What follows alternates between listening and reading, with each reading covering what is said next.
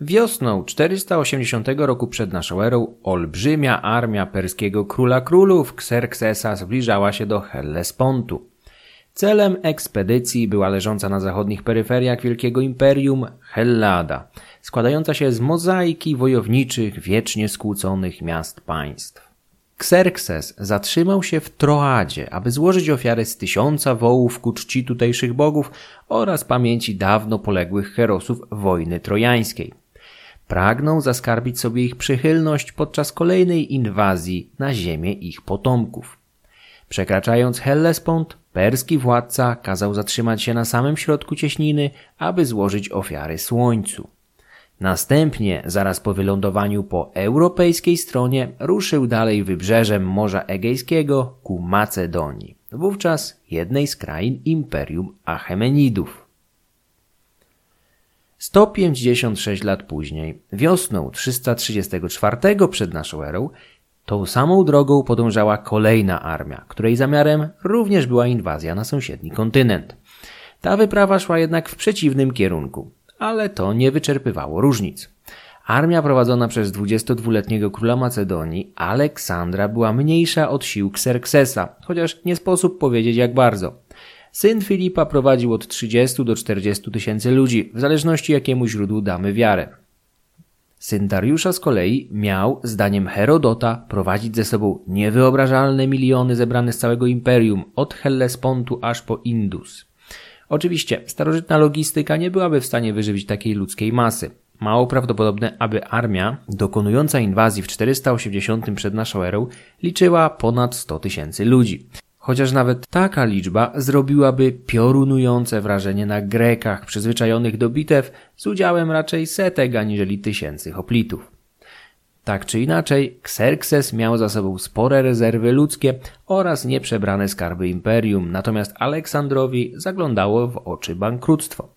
70 talentów w skarbcu, z którymi ruszał na wschód, mogło wystarczyć na co najwyżej dwa tygodnie żołdu dla armii. Sama zaś podróż z Pelli nad Hellespont zajęła 20 dni, więc możliwe, że lądując na azjatyckim brzegu, Aleksander już był dłużnikiem swoich żołnierzy. Przywiązanie do symboli wykazywane przez młodego władcę znalazło swoje ujście właśnie podczas tego marszu, gdzie, pomimo że gonił go czas, król nadłożył kilkadziesiąt kilometrów, aby odwiedzić wszystkie ważniejsze świątynie po drodze. W tym samym czasie jego machina propagandowa wszemi wobec głosiła początek wielkiej panhelleńskiej krucjaty przeciwko perskim barbarzyńcom, potomkom Xerxesa, który ponad 150 lat wcześniej najechał Helladę i spalił kilka świątyń. Do litanii zarzutów pod adresem Persów dołączyły oskarżenia o morderstwo Filipa, ojca Aleksandra dwa lata wcześniej, chociaż zapewne nawet współcześni nie bardzo wierzyli akurat w ten zarzut. Tak czy inaczej, Aleksander był prawdopodobnie pierwszym władcą europejskim, który z takim rozmachem i pieczołowitością dbał o coś, co nazwalibyśmy dzisiaj Departamentem Propagandy. Do Azji zabierał ze sobą nie tylko macedońskich żołnierzy oraz najemników z całych południowych Bałkanów. Szli z nim również greccy naukowcy i literaci. Ci drudzy byli, jak siostrzeniec Arystotelesa, historyk Kalistenes, koncesjonowanymi korespondentami wojennymi Aleksandra. To właśnie zarozumiały Kalistenes będzie odpowiedzialny za tworzenie notatek prasowych, wysyłanych do Hellady celem ukształtowania opinii publicznej przychylnej Macedończykowi. Wiosną 334 przed naszą erą miał pełne ręce roboty, wykuwając opowieść o wielkiej, dziejowo uzasadnionej krucjacie. Młody król opuszczał Macedonię, zapewne nie przeczuwając, że nigdy już do niej nie wróci. W Amfipolis pożegnała go matka, Olimpias, która również w tym momencie po raz ostatni widziała swojego syna. Aleksander przekroczył Hellespont zapewne gdzieś na przełomie kwietnia i maja, zatrzymując się na samym środku cieśniny, aby niczym Xerxes złożyć ofiarę z byka bogom. Na obu wybrzeżach stawiano ołtarze bóstwom nieba i morza, których przychylność była tak niezbędna w powodzeniu przeprawy. Cieśnina Hellespont, dzisiaj znana jako Dardanelle, w najwęższym miejscu ma zaledwie półtora kilometra, więc nie było to jakoś szczególnie niebezpieczne przedsięwzięcie. Ale Macedończycy zdawali sobie sprawę z ryzyka, jakie stanowiła znacznie potężniejsza flota perska. Dlaczego Persowie nie zdecydowali się przeszkodzić w transporcie armii macedońskiej? Potencjalnych odpowiedzi na to pytanie jest przynajmniej kilka. Adrian Goldsworthy na przykład sugeruje, że duża część perskiej armady była ciągle zaangażowana w zbuntowanym do niedawna Egipcie, podobnie jak znaczna część dostępnych Dariuszowi sił zbrojnych. Do tego problem dla Persów mógł stanowić brak bliskich baz zaopatrzeniowych. W końcu północno-zachodnia część Azji Mniejszej była w rękach wojsk Parmeniona, które wylądowały tam ponad dwa lata wcześniej. Triery, najpopularniejsze wówczas statki bojowe, nie były w stanie wziąć większych zapasów prowiantu i wody pitnej na pokład, dlatego były zmuszone działać blisko przyjaznych portów. Macedończycy zaangażowali 160 okrętów podczas przeprawy, w zdecydowanej większości dostarczonych im przez mniej lub bardziej przymuszonych do tego sprzymierzeńców ze Związku Korynckiego. Persja mogła w tym samym czasie wystawić kilkukrotnie silniejszą flotę, opartą głównie na załogach werbowanych wśród fenickich żeglarzy, dorównujących doświadczeniem na morzu Grekom. Desant przebiegł szybko i bez zakłóceń. Persowie nie zdecydowali się w żaden sposób go zakłócić. Być może po prostu zlekceważyli przeciwnika, Badania nad imperium Achemenidów, niegdyś bardzo pobieżne, znacznie przyspieszyły w ostatnich dekadach, dzięki czemu dzisiaj nie traktuje się już monarchii Dariusza III jako chylącego się ku upadkowi domku z kart.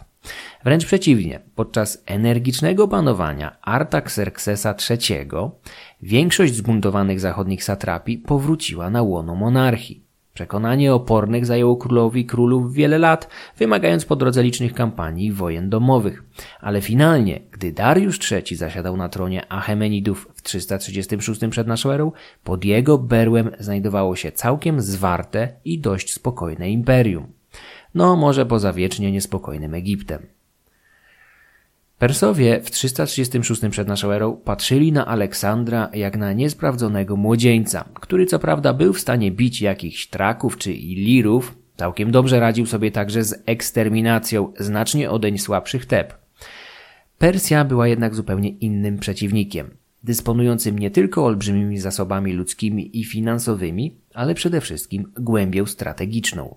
Wielki król wysłał do walki z Macedończykami Parmeniona, kilka tysięcy greckich najemników, którzy zaskakująco sprawnie poradzili sobie z inwazją, wypierając starego generała i jego ludzi aż nad Hellespont. Do tego w Azji Mniejszej znajdowały się dość silne kontyngenty miejscowych satrapów. Dariusz mógł wyjść z założenia, że nie musi się spieszyć. Może dokończyć pacyfikację Egiptu, a następnie wysłać więcej sił do Azji Mniejszej, o ile ciągle będzie to konieczne. W tym miejscu warto spróbować odpowiedzieć na pytanie, jakie były plany Aleksandra wiosną 334 przed naszą erą. Czy faktycznie zamierzał podbić całe państwo Achemenidów? Czy może z początku jego plany były znacznie skromniejsze?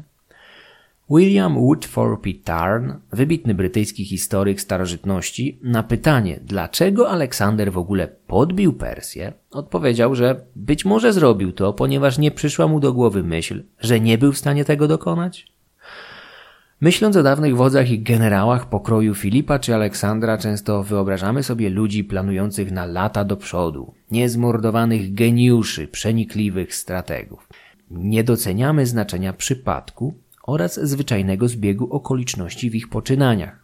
Filip prowadził kampanie wojenne przez całe swoje dorosłe życie, rok do roku wyruszając na sezonowe wyprawy, czasami walcząc także zimą.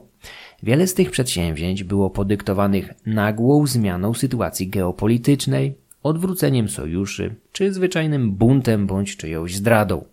Aby uzmysłowić sobie, jak wiele zależało od zwyczajnego przypadku, warto wspomnieć bunt Teb, które rzuciły się do walki przeciwko Macedonii na skutek otrzymania niepotwierdzonej i zupełnie błędnej informacji o zgonie Aleksandra w Ilirii.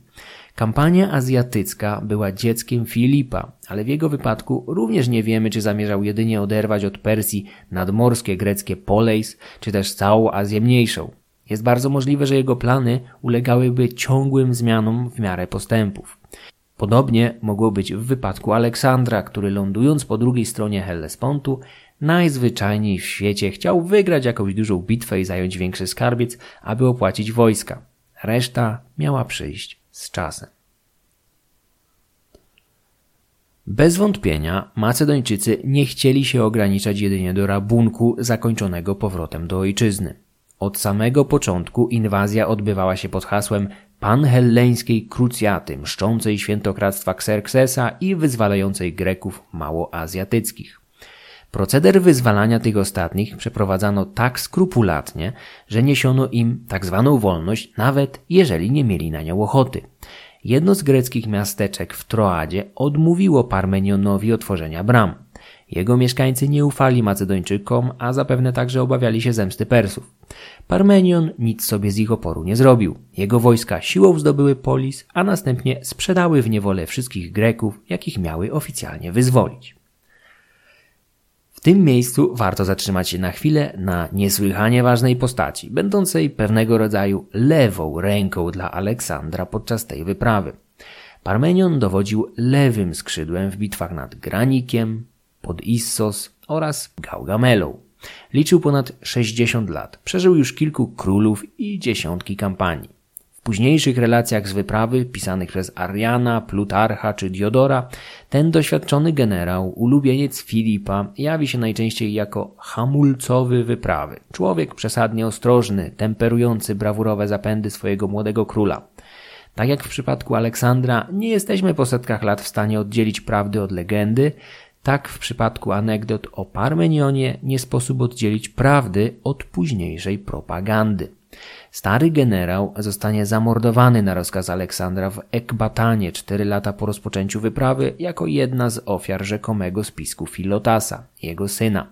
Jest bardzo możliwe, że wiele z tego, co wiemy o Parmenionie, jest efektem działań późniejszej propagandy uprawianej na dworze Aleksandra oraz jego diadochów. W 334 przed naszą erą Parmenion był obok Antypatra najpotężniejszym macedońskim baronem. Młody król musiał liczyć się z jego słowem, gdyż generał był niezmiernie popularny wśród swoich żołnierzy. Parmenion poparł Aleksandra, ale nie za darmo. Tuż po zmianie na tronie w Pelli, kilka wysokich stanowisk w armii inwazyjnej przypadło męskim członkom rodziny generała. Jego synowie Filotas i Nikanor zostali dowódcami kolejno Hetajrów oraz Hypaspistów, a więc elitarnych jednostek stanowiących trzon armii. Parmenion był twardym, doświadczonym oportunistą, podobnie jak Antypater, który pozostał w Macedonii w charakterze regenta i strażnika królestwa. Nowy regent będzie musiał nie tylko poskramiać buntownicze zapędy Helenów, ale ciągle spierać się z królową matką, Olimpias, być może jeszcze trudniejszym do zgryzienia przeciwnikiem. Macedońską armią, tak jak i dworem, targały liczne intrygi i nieustająca walka o władzę. Aleksander prędko zaskarbił sobie miłość szeregowych żołnierzy, ale nie jeden z jego wyżej postawionych oficerów nie obraziłby się, gdyby któraś z szalonych szarż króla skończyła się dla niego katastrofą. Po wylądowaniu na azjatyckim brzegu wojska Aleksandra i Parmeniona połączyły się i ruszyły na wschód. Król nie byłby sobą, gdyby nie skorzystał z okazji do odwiedzenia Ilionu, małej greckiej mieściny, chlubiącej się przechowywanymi na jej obszarze pozostałościami po legendarnej wojnie trojańskiej oraz jej herosach. Pancerze dawnych bohaterów Achillesa, Ajaxa czy Patroklesa miały wisieć na ścianach tutejszych świątyń i kapliczek poświęconych duchom bohaterów minionych epok. Jest skrajnie nieprawdopodobne, aby jakikolwiek z rynsztunków przechowywanych w ówczesnym Ilionie pamiętał czasy rzekomej wojny trojańskiej, datowanej już przez starożytnych na XII lub XIII wiek przed naszą erą. Tak czy inaczej, na Aleksandrze zrobiły one widać pozytywne wrażenie, gdyż zapragnął wziąć sobie rynsztunek Achillesa, swojego słynnego przodka, zostawiając w zamian własne uzbrojenie. Oczywiście prośba młodego króla została spełniona. Aleksander spędził dużą część dnia w mieścinie, składając kwiaty i wieńce na grobach herosów oraz biorąc udział w igrzyskach ku ich pamięci, szczególnie w biegach odbywanych nago. Król składał ofiary nie tylko na grobach greckich herosów. Nie zapomniał również o Priamie, dawnym władcy Troi, który podczas achajskiego szturmu próbował ocalić życie kryjąc się w świątyni, przy ołtarzu. Nie uratowało go to przed barbarzyńskim mordem dokonanym na nim przez syna Achillesa, Neoptolemosa. Achajowie, jak później Grecy czy Macedończycy, niespecjalnie przejmowali się płcią czy wiekiem przeciwników, ale starali się szanować przestrzeń świątynną, której nie powinna zbrukać krew uciekinierów.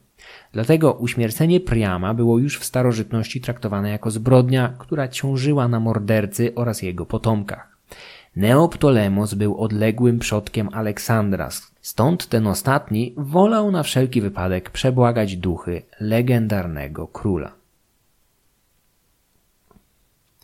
Ilion był ostatnim przystankiem przed wkroczeniem na ziemię ciągle opanowane przez Persów. Koniec igrzysk, kwiatów i wieńców na grobach. Nadszedł czas rozstrzygnięć militarnych. Po połączeniu z Parmenionem Aleksander mógł mieć pod swoją komendą nawet blisko 50 tysięcy ludzi, w tym 43 tysiące piechoty oraz 6 tysięcy kawalerii. Macedończycy stanowili mniej niż połowę całości. Bardzo dużo było sprzymierzeńców oraz najemników z Bałkanów, lekko zbrojnych Traków, Agrianów oraz Ilirów. Do tego 7 tysięcy Hellenów przysłanych przez Polej z Związku Korynckiego, którzy stanowili najbardziej podejrzany element armii. Ludzie ci byli w równym stopniu najemnikami jak zakładnikami. Aleksander nie miał żadnych złudzeń wobec ich przydatności bojowej oraz lojalności, stąd podczas bitew nigdy nie stawiał ich w pierwszej linii. Traktował ich jako rezerwę bądź oddziały garnizonowe. Grecy przysłani przez Polej z Hellady będą jednocześnie pierwszymi, których zwolni ze służby, gdy tylko będzie w stanie zastąpić ich kimkolwiek innym. Hellada niechętnie uczestniczyła w wyprawie na wschód, czego najlepszym dowodem jest znikoma ilość wysłanych przez jej miasta wojowników. W teorii wszystkie polej z związku, zdaniem Justyna, miały być w stanie wystawić do 200 tysięcy piechurów pod bronią. Aleksandrowi dały ledwie 7. Do tego byli to najprawdopodobniej ludzie, których chciano się z jakichś powodów pozbyć. Już w pierwszych dniach po lądowaniu król czuł na plecach oddech bankructwa. Złoto kurczyło się błyskawicznie, a olbrzymia jak na macedońskie standardy armia pożerała zapasy prowiantu. Z tego też powodu Aleksander za wszelką cenę pragnął znaleźć jakąkolwiek silniejszą armię perską i rozbić ją w polu. Nie mógł pozwolić sobie na długotrwałe oblężenia i najzwyczajniej w świecie omijał silnie ufortyfikowane miasta, które nie chciały wpuścić do środka jego garnizonów. Inne grody, jak Lampsakos, profilaktycznie przekupiły króla, aby poszedł sobie dalej. Co robili w tym czasie Persowie? Dariusz w kwestii obrony zostawił wolną rękę lokalnym satrapom, którzy zebrali się w Zelei, mieście leżącym w dzisiejszej północno-zachodniej Turcji, aby radzić nad strategią. W ich otoczeniu znalazło się także miejsce dla Memnona z Rodos, starego wodza najemników, który w ostatnich latach bardzo sprawnie wyparł Parmeniona z większości jego małoazjatyckich zdobyczy. Memnon doskonale zdawał sobie sprawę z jakości Macedończyków, oraz ich problemów finansowych i aprowizacyjnych. Zalecał więc taktykę spalonej ziemi, unikania walnego starcia i głodzenia najeźdźców, ewentualnie nękania ich atakami podjazdowymi. Dowódcą armii był wówczas Arsites, satrapa Frygii, na której terenie operował Aleksander. Arsites z oburzeniem odrzucił propozycję Memnona, ogłaszając, że nie pozwoli spalić ani jednego gospodarstwa swoich poddanych i powstrzyma Macedończyków jak najszybciej. Pozostali satrapowie jednogłośnie poparli jego stanowisko, pomimo, że łączne siły, jakimi dysponowali nie tylko liczebnie, ale w dużej mierze również jakościowo ustępowały najeźdźcom. Persowie dysponowali liczną i bardzo dobrą konnicą, ale ich piechota była w starciu z falangitami Aleksandra po prostu bezużyteczna.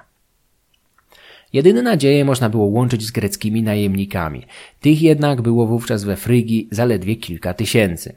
Nie jesteśmy dzisiaj w stanie oszacować dokładnej ilości wojsk, jakie zebrali wówczas Persowie. Źródła podają liczby wahające się od rozsądnych 30-40 tysięcy do skrajnie absurdalnych 600 tysięcy, wyglądających bardziej jako błąd kopisty.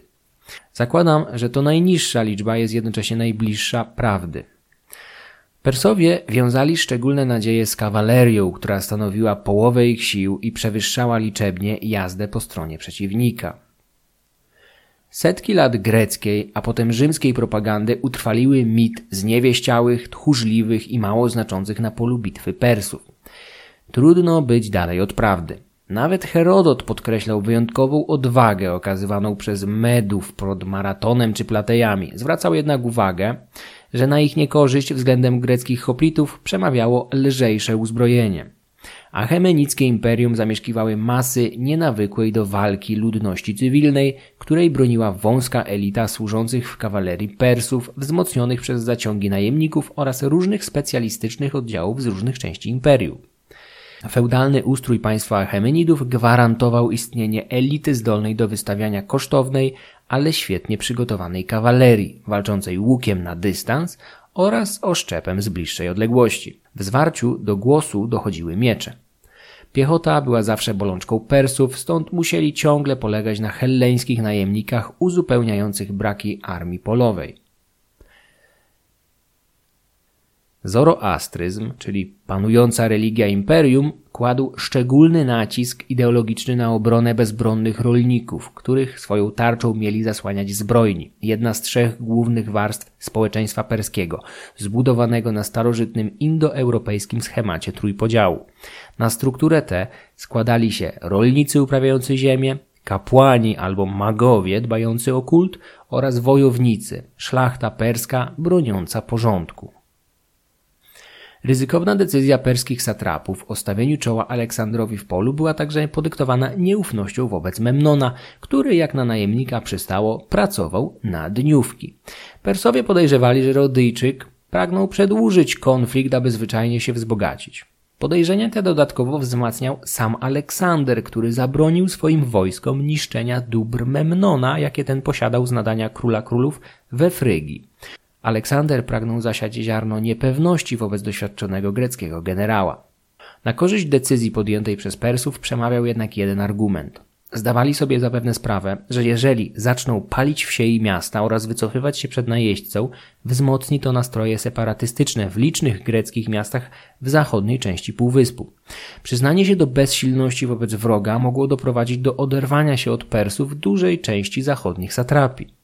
Podczas obrad w Zelei zdecydowano więc stawić czoło Aleksandrowi, zagradzając mu drogę na jakiejś naturalnej przeszkodzie i tam przybrać postawę defensywną, która mogłaby nieco zminimalizować przewagę liczebną jego armii. Wybór padł na Brud na rzece znanej wówczas jako Granik, dzisiaj zaś jako Bigachai. Informacja o perskich satrapach, którzy sami zebrali wszystkie dostępne sobie siły oraz wyszli na powitanie Macedończyków, musiała być dla Aleksandra wiadomością szczególnie radosną. Mógł rozstrzygnąć wojnę o Azję Mniejszą, albo raczej o niektóre z jej satrapi, za pomocą jednego walnego starcia oko w oko z wrogiem. Zwiadowcy donieśli królowi, gdzie znajdują się Persowie, to też zbliżając się do ich pozycji, od razu rozwinął armię do szyku bojowego, gotując się do walki. Tym miejscu spotykamy się z czymś, co można określić zagadką bitwy pod granikiem. Dysponujemy wprawdzie kilkoma całkiem szczegółowymi, starożytnymi relacjami o tym starciu, ale podobnie jak miało to miejsce w przypadku oblężenia Teb, także tutaj pojawiają się różnice. W zasadzie wszyscy ważniejsi autorzy, jak Plutarch, Arian i Diodor, przedstawiają podobny przebieg bitwy od momentu jej rozpoczęcia, ale kompletnie różnią się w opisie tego, w jakiej porze dnia oraz warunkach do starcia doszło. Plutarch i Arian zgodnie uważają, że Macedończycy dotarli nad granik popołudniem, być może późnym, a po drugiej stronie rzeki dostrzegli tysiące perskich kawalerzystów broniących przeprawy. Za jeźdźcami miała stać piechota. Ustawienie piechurów, w tym doświadczonych greckich najemników w odwodzie, na tyłach, wydaje się decyzją co najmniej ekscentryczną, gdyż to właśnie oni, uzbrojeni we włócznie, powinni normalnie bronić brodu. Brzeg zajmowany przez Persów był nieco bardziej wzniesiony, co dodatkowo wzmacniało jego walory obronne, ale nie był jakoś szczególnie stromy. Bieg granika z pewnością uległ licznym zmianom na przestrzeni ostatnich dwóch tysięcy lat, ale wczesnym majem koryto tej rzeki nie jest szczególnie szerokie i zazwyczaj nie przekracza 20-30 metrów. Głębokość nurtu również w większości miejsc wynosi zaledwie pół metra. O tej porze roku śniegi z pobliskich gór dawno już stopniały, więc nurt nie mógł być zbyt głęboki. Granik nie mógł stanowić trudnej przeprawy ani dla kawalerii, ani dla piechoty, ale nawet tak łagodna rzeka musiałaby zmieszać szyki tej ostatniej. Macedończycy polegali na uzbrojonej w długie sarisy piechocie, która przedstawiała wartość bojową tylko wtedy, gdy maszerowała w zwartej linii, zaś przeprawa przez nurt rzeki i wdrapywanie się na przeciwległy brzeg broniony przez liczną perską kawalerię nie przedstawiała dla piechurów szczególnie optymistycznej perspektywy. Falangitów ciągle można zaliczać do ciężkiej piechoty, ale ich uzbrojenie ochronne było lżejsze aniżeli u przeciętnego hoplity.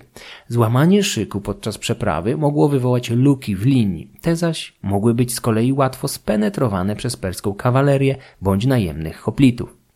Każdy, kto kiedykolwiek studiował przebieg bitwy pod Pydną w 168 roku przed naszą erą, gdzie rzymscy legioniści wpadli poprzez takie właśnie luki do wnętrza macedońskiej falangi, zdaje sobie sprawę, że mogło się to zakończyć rzezią i unicestwieniem całej armii w ciągu jednej godziny.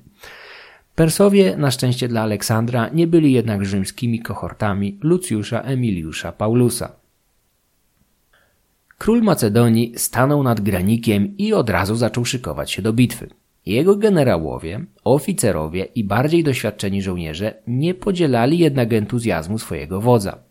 W tym miejscu pojawia się stary, doświadczony Parmenion, który przyjmuje rolę hamulcowego ekspedycji, radząc królowi, aby nie forsował rzeki z marszu, ryzykując złamanie szyku piechoty.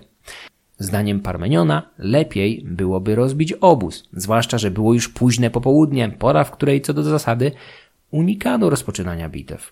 Walka mogła bowiem przeciągnąć się do zmierzchu, a wtedy łatwo było o chaos, szczególnie wśród piechoty walczącej w zamkniętych hełmach, dodatkowo ograniczających widoczność. Parmenion był także przekonany, że Persowie nie odważą się nocować blisko Macedończyków i wycofają się w nocy, a wtedy, nad ranem, cała armia będzie mogła swobodnie przejść na drugą stronę rzeki.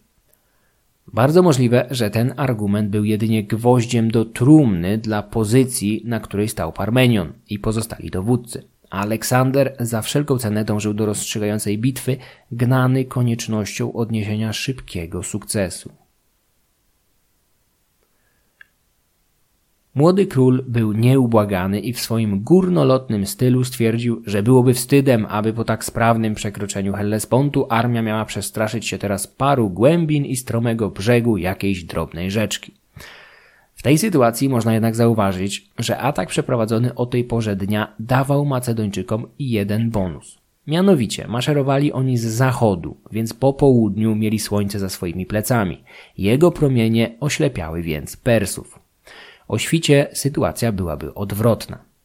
Ostatecznie zdecydowano się na atak tego samego dnia. Tak przynajmniej uważa zarówno Arian, jak i Plutarch. Przyjmujemy, że do bitwy nad Granikiem doszło popołudniem bliżej nieokreślonego dnia w maju 334 przed naszą erą. Wspominałem już o bardzo dziwnym ustawieniu Persów, którzy postanowili bronić brzegu jedynie kawalerią, z piechotą ustawioną za jej plecami. Może to nieudolność, a może po prostu Persowie myśleli torami bliższymi tym, po których poruszał się Parmenion i po prostu nie przyszło im do głowy, że ktoś może rozpocząć bitwę o tej porze dnia i przy tak, wydawałoby się, niesprzyjających warunkach? Jeżeli tak było, to mocno nie doceniali nieszablonowości i desperacji przeciwnika. Aleksander stanął jak królowi przystało na prawym skrzydle, gdzie znajdowała się też lwia część ciężkiej kawalerii. Parmenion dowodził lewym skrzydłem, w środku zaś do sforsowania rzeki szykowała się już piechota. Macedońskie wojsko było multietnicznym miszmaszem, gdzie ciężko zbrojni macedońscy falangici stali obok lekko zbrojnych pajonów, agrianów czy ilirów. Tesalska kawaleria na lewym skrzydle, macedońska na prawym, do tego lżej uzbrojeni jeźdźcy z greckich polejs oraz plemion bałkańskich. Naprzeciwko nich, po drugiej stronie rzeki, stali Persowie, którzy przyprowadzili przynajmniej kilkanaście tysięcy kawalerzystów pod wodzą satrapów i dostojników małoazjatyckich. Na lewym skrzydle perskiej armii stał zaś Memnon z Rodos razem ze swoim prywatnym oddziałem kawalerzystów, których musiał przyprowadzić jako lennik króla królów na wyprawę wojenną. Nie wiemy, kto dowodził kilkoma tysiącami greckich najemników stojących za linią kawalerii. Próżno szukać wiarygodnych w zmianego składzie etnicznym, liczbie czy w ogóle udziale lokalnej piechoty, gdyż w zbliżającej się bitwie, zgodnie z oczekiwaniami, miała się okazać kompletnie bezwartościowa. Obie strony obserwowały się przez jakiś czas w ciszy, czekając na pierwszy ruch przeciwnika. Persowie zajmowali pozycję defensywną i nie zamierzali tego zmieniać dopóty, dopóki Macedończycy nie wejdą do rzeki. Wtedy azjatycka kawaleria będzie miała szansę wtargnąć w ich szyki. Bitwę rozpoczął Aleksander, który na czele części kawalerii ruszył z nienacka w szyku ukośnym poprzez rzekę. Opis Ariana jest dość skomplikowany i niejasny, ale wydaje się, że król zajmujący miejsce na prawym skrzydle pognał nie do przodu, ale w poprzek w kierunku perskiego centrum. Ta decyzja miała przynajmniej dwa uzasadnienia. Po pierwsze, gdyby udało mu się rozbić i odepchnąć perską kawalerię w centrum, mógłby zdobyć przyczółek na drugim brzegu dla swojej piechoty. A po drugie, w perskim centrum znajdowało się dowództwo armii. Satrapa Frygi Arsites, satrapa Jonis Pitridates, wreszcie sam Mitrydates, prywatnie zięć Dariusza. Aleksander pognał w kierunku perskiej śmietanki towarzyskiej, której przedstawiciele prędko dostrzegli intruza i wyjechali mu na spotkanie tym czasie cała macedońska kawaleria przekraczała granik, gdzie niegdzie tocząc zaciętą walkę o zdobycie przyczółków na drugim brzegu. Piechota postępowała powoli za jeźdźcami. W pierwszej fazie walki Persowie broniący się oszczepami z wysokiego brzegu mieli zdecydowaną przewagę nad macedońską awangardą, ale prędko sytuacja zaczęła się odmieniać. Do jeźdźców Aleksandra szybko dołączyli lekkozbrojni, którzy wmieszali się pomiędzy konie i niczym muchy obsiadli Persów. Hetajrowie posługiwali się kawaleryjskimi lancami z derenia, ksystonami, które przewyższały długością perskie oszczepy i włócznie. To pozwalało Macedończykom kłuć tak jeźdźców, jak ich konie.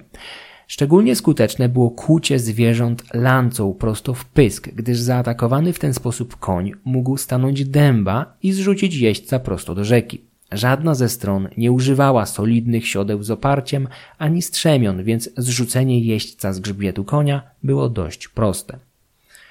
Aleksander tymczasem walczył w centrum niczym homerycki bohater. Wreszcie znalazł się w miejscu, w którym mógł poczuć się jak Diomedes albo Achilles pod murami Troi. Walczył tak zaciekle, że jego dereniowy ksyston pękł. Król zażądał kolejnego od towarzyszącego mu koniuszego, ten jednak również miał strzaskaną lancę, którą pomimo tego ciągle się bronił. Do Aleksandra podjechał jeden z Hetajrów, Grek Demaratos z Koryntu i wręczył mu swoją lancę. Według Ariana w tym momencie król zobaczył pędzącego w jego stronę Mitrydatesa, zięcia Dariusza, który zapragnął okryć się nieprzemijającą sławą. Na pewno wiedział, że trampoliną do kariery dla samego Dariusza był pojedynek, jaki stoczył z jakimś wyjątkowo groźnym wojownikiem z plemienia Kaduzjów przed latami. Być może Mitrydates widział dla siebie szansę w zabiciu pyszałkowatego króla Macedonii? Diodor z większymi detalami opisuje ten pojedynek, w którym jednak przeciwnikiem jest Spitrobates, satrapa Joni. Perski dostojnik cisnął potężnie oszczepem prosto w Aleksandra, przebijając jego tarczę i pancerz aż do obojczyka. Macedończyk zdołał skutecznie zaatakować w odpowiedzi wroga lancą, która pękła na pancerzu Persa. Ten zaś, widząc to, dobył z pochwy miecza i wziął zamach na Aleksandra, ale w tym samym czasie złamany drzewiec lancy króla Macedonii z całą mocą wylądował na jego twarzy. Spitrobates bądź Mitrydates, w zależności od źródła, wylądował na ziemi. Do Aleksandra zbliżał się już jednak kolejny Pers, Rojakes, który zdołał w chaosie walki zbliżyć się do króla od tyłu, zamierzając się do ciosu mieczem w jego głowę. Ubiegł go jednak Kleitos Czarny, jeden z Hetajrów i doświadczonych oficerów Filipa. Kleitos nadjechał w ostatniej chwili i odrąbał Rojakesowi rękę dzierżącą miecz. Najpopularniejszym modelem miecza w ówczesnych armiach greckich i macedońskich był tak zwany kopis, zwany też machaira. Był to jednosieczny miecz przypominający budową smukłą maczetę z brzuźcem poszerzającym się w kierunku sztychu. Kopis był tak wyprofilowany, że mógł służyć do zadawania udanych pchnięć, ale jego prawdziwa skuteczność objawiała się właśnie w cięciach, takich jak to, które pozbawiło Rojakesa ręki. Według Ariana w pewnym momencie Aleksander oberwał od kogoś ciosem miecza w głowę, ale przed śmiercią uratował go hełm, który miał się lekko skruszyć, raniąc przy tym jego głowę. Być może po prostu wygiął się pod siłą uderzenia. Trudno bowiem, aby zwykły cios mieczem rozpłatał hełm, chyba że kowal spartaczył robotę. Z wersji Diodora możemy wnioskować, że w pewnym momencie Aleksander został strącony z konia. Persowie wiedzieli z kim walczą, więc dwoili i troili wysiłki, aby uciąć macedońskiej hydrze głowę i w miarę możliwości utrącić całą ekspedycję na samym początku. Kilkudziesięciu perskich dostojników, którzy przyjechali ze Spitrobatesem, miało ciskać w kierunku Aleksandra i jego towarzyszy oszczepami. O zaciętości walki na tym odcinku świadczy fakt, że poległ tutaj Farnakes, brat małżonki Dariusza, a więc kolejny Achemenida z rodu panującego. Obok niego poległ Atizjes i Mitrobuzanes, creme de la creme armii perskiej. Chaotyczna rąbanina w nurcie rzeki była jedną z tych chwil, kiedy losy całej wyprawy mogły odmienić się w przeciągu kilku sekund. Aleksander stoczył kilka pojedynków z perskimi dostojnikami, ocierając się o śmierć bądź przynajmniej poważne obrażenia. Miał zaledwie 22 lata i żadnego potomka, o którym byśmy wiedzieli. Gdyby Rojakes zdążył zadać cios ułamek sekundy wcześniej, historia z pewnością potoczyłaby się inaczej, tak dla Persów jak Macedończyków. Rojakes, Spitrobates, Mitrydates, Farnakes oraz inni nie zdołali jednak dosięgnąć przeciwnika zdecydowanym zabójczym ciosem. Zamiast tego sami polegli, a perska kawaleria zaczęła powoli ustępować napierającym na jej szeregi Macedończykom i ich sprzymierzeńcom. Wkrótce cała perska jazda rzuciła się do ucieczki. Razem z nią uszedł głównodowodzący w boju satrapa Frygi Arsites, który popełnił samobójstwo krótko po przegranej bitwie, nie mogąc pogodzić się z jej wynikiem. Macedończycy nie byli w stanie ścigać uchodzących Persów, gdyż na ich drodze wyrosła znajdująca się dotychczas w drugiej linii piechota złożona z kilku tysięcy greckich najemników, którzy najwyraźniej nie zostali jeszcze w ogóle zaangażowani do walki, a jej przebieg był tak błyskawiczny i nieoczekiwany, że prędko znaleźli się niemal w okrążeniu. Nie rzucili się jednak bezmyślnie do ucieczki, wiedząc, że byliby wtedy łatwym łupem dla macedońskiej kawalerii. Cofnęli się jedynie tak, aby ich tyły osłaniał jakiś pagórek, a następnie przygotowali się na najgorsze. Grecy uratowali w ten sposób perskich niedobitków, sami zaś znaleźli się na przysłowiowym widelcu. Z początku spróbowali negocjacji, oferując poddanie się i ewentualnie przejście na stronę Aleksandra. Ten jednak, zdaniem Plutarcha, uniesiony gniewem odmówił. Określił Greków walczących dla Persów mianem zdrajców i nakazał bezzwłocznie wszystkich wymordować. Jego armia podjęła się natychmiast wykonania rozkazu, a sam król miał prędko wziąć udział w tej rzezi, walcząc w swoim stylu w pierwszej linii, aż w końcu zabito pod nim konia. Szybko jednak okazało się, że doświadczeni najemnicy nie sprzedadzą skóry tanio, a zabijanie ich wszystkich będzie kosztowało jego wojsko wielu rannych i zabitych. W końcu zdecydował się oszczędzić życie Greków w zamian za bezwarunkową kapitulację. Dwa tysiące najemników zachowało życie, ale z rozkazu zwycięzcy zostali odesłani w charakterze niewolników do morderczej charówki w kopalniach gór Pangajon. Większość z nich była podobno Ateńczykami, a ich los był w nadchodzących miesiącach przedmiotem zakulisowych rozmów dyplomatycznych między Macedonią a ich ojczyzną. Po stronie perskiej zginęło od tysiąca do dwóch i pół tysiąca kawalerzystów. Greccy najemnicy w liczbie kilku tysięcy zostali wybici lub wzięci do niewoli. Losu innych jednostek nie sposób ustalić. Wydaje się, że zdecydowana większość Persów oraz ich sprzymierzeńców zdołała uciec z pola walki. Macedończycy odnotowali wyjątkowo niewielkie straty. Miało zginąć od 100 do 200 ludzi, głównie z kawalerii. Wydaje się, że nasze źródła po prostu nie odnotowały wszystkich strat, być może skupiając się jedynie na Macedończykach albo celowo je zaniżając, co było normalną praktyką wśród zwycięzców. Na pewno szczególnie zabójcza była pierwsza szarża prowadzona przez samego króla, w trakcie której miało zginąć 25 hetajrów. Te pierwsze ofiary z nad rzeki Granik doczekały się poświęconych im pomników w mieście Dion u podnóży Olimpu, zaś ich rodziny zwolniono od wszelkich świadczeń na rzecz państwa. Według Ariana zginęło zaledwie 30 piechurów, co wydaje się podejrzane w świetle późniejszej zaciętej walki z otoczonymi greckimi najemnikami, którzy z pewnością wysłaliby na tamten świat nieco więcej Macedończyków.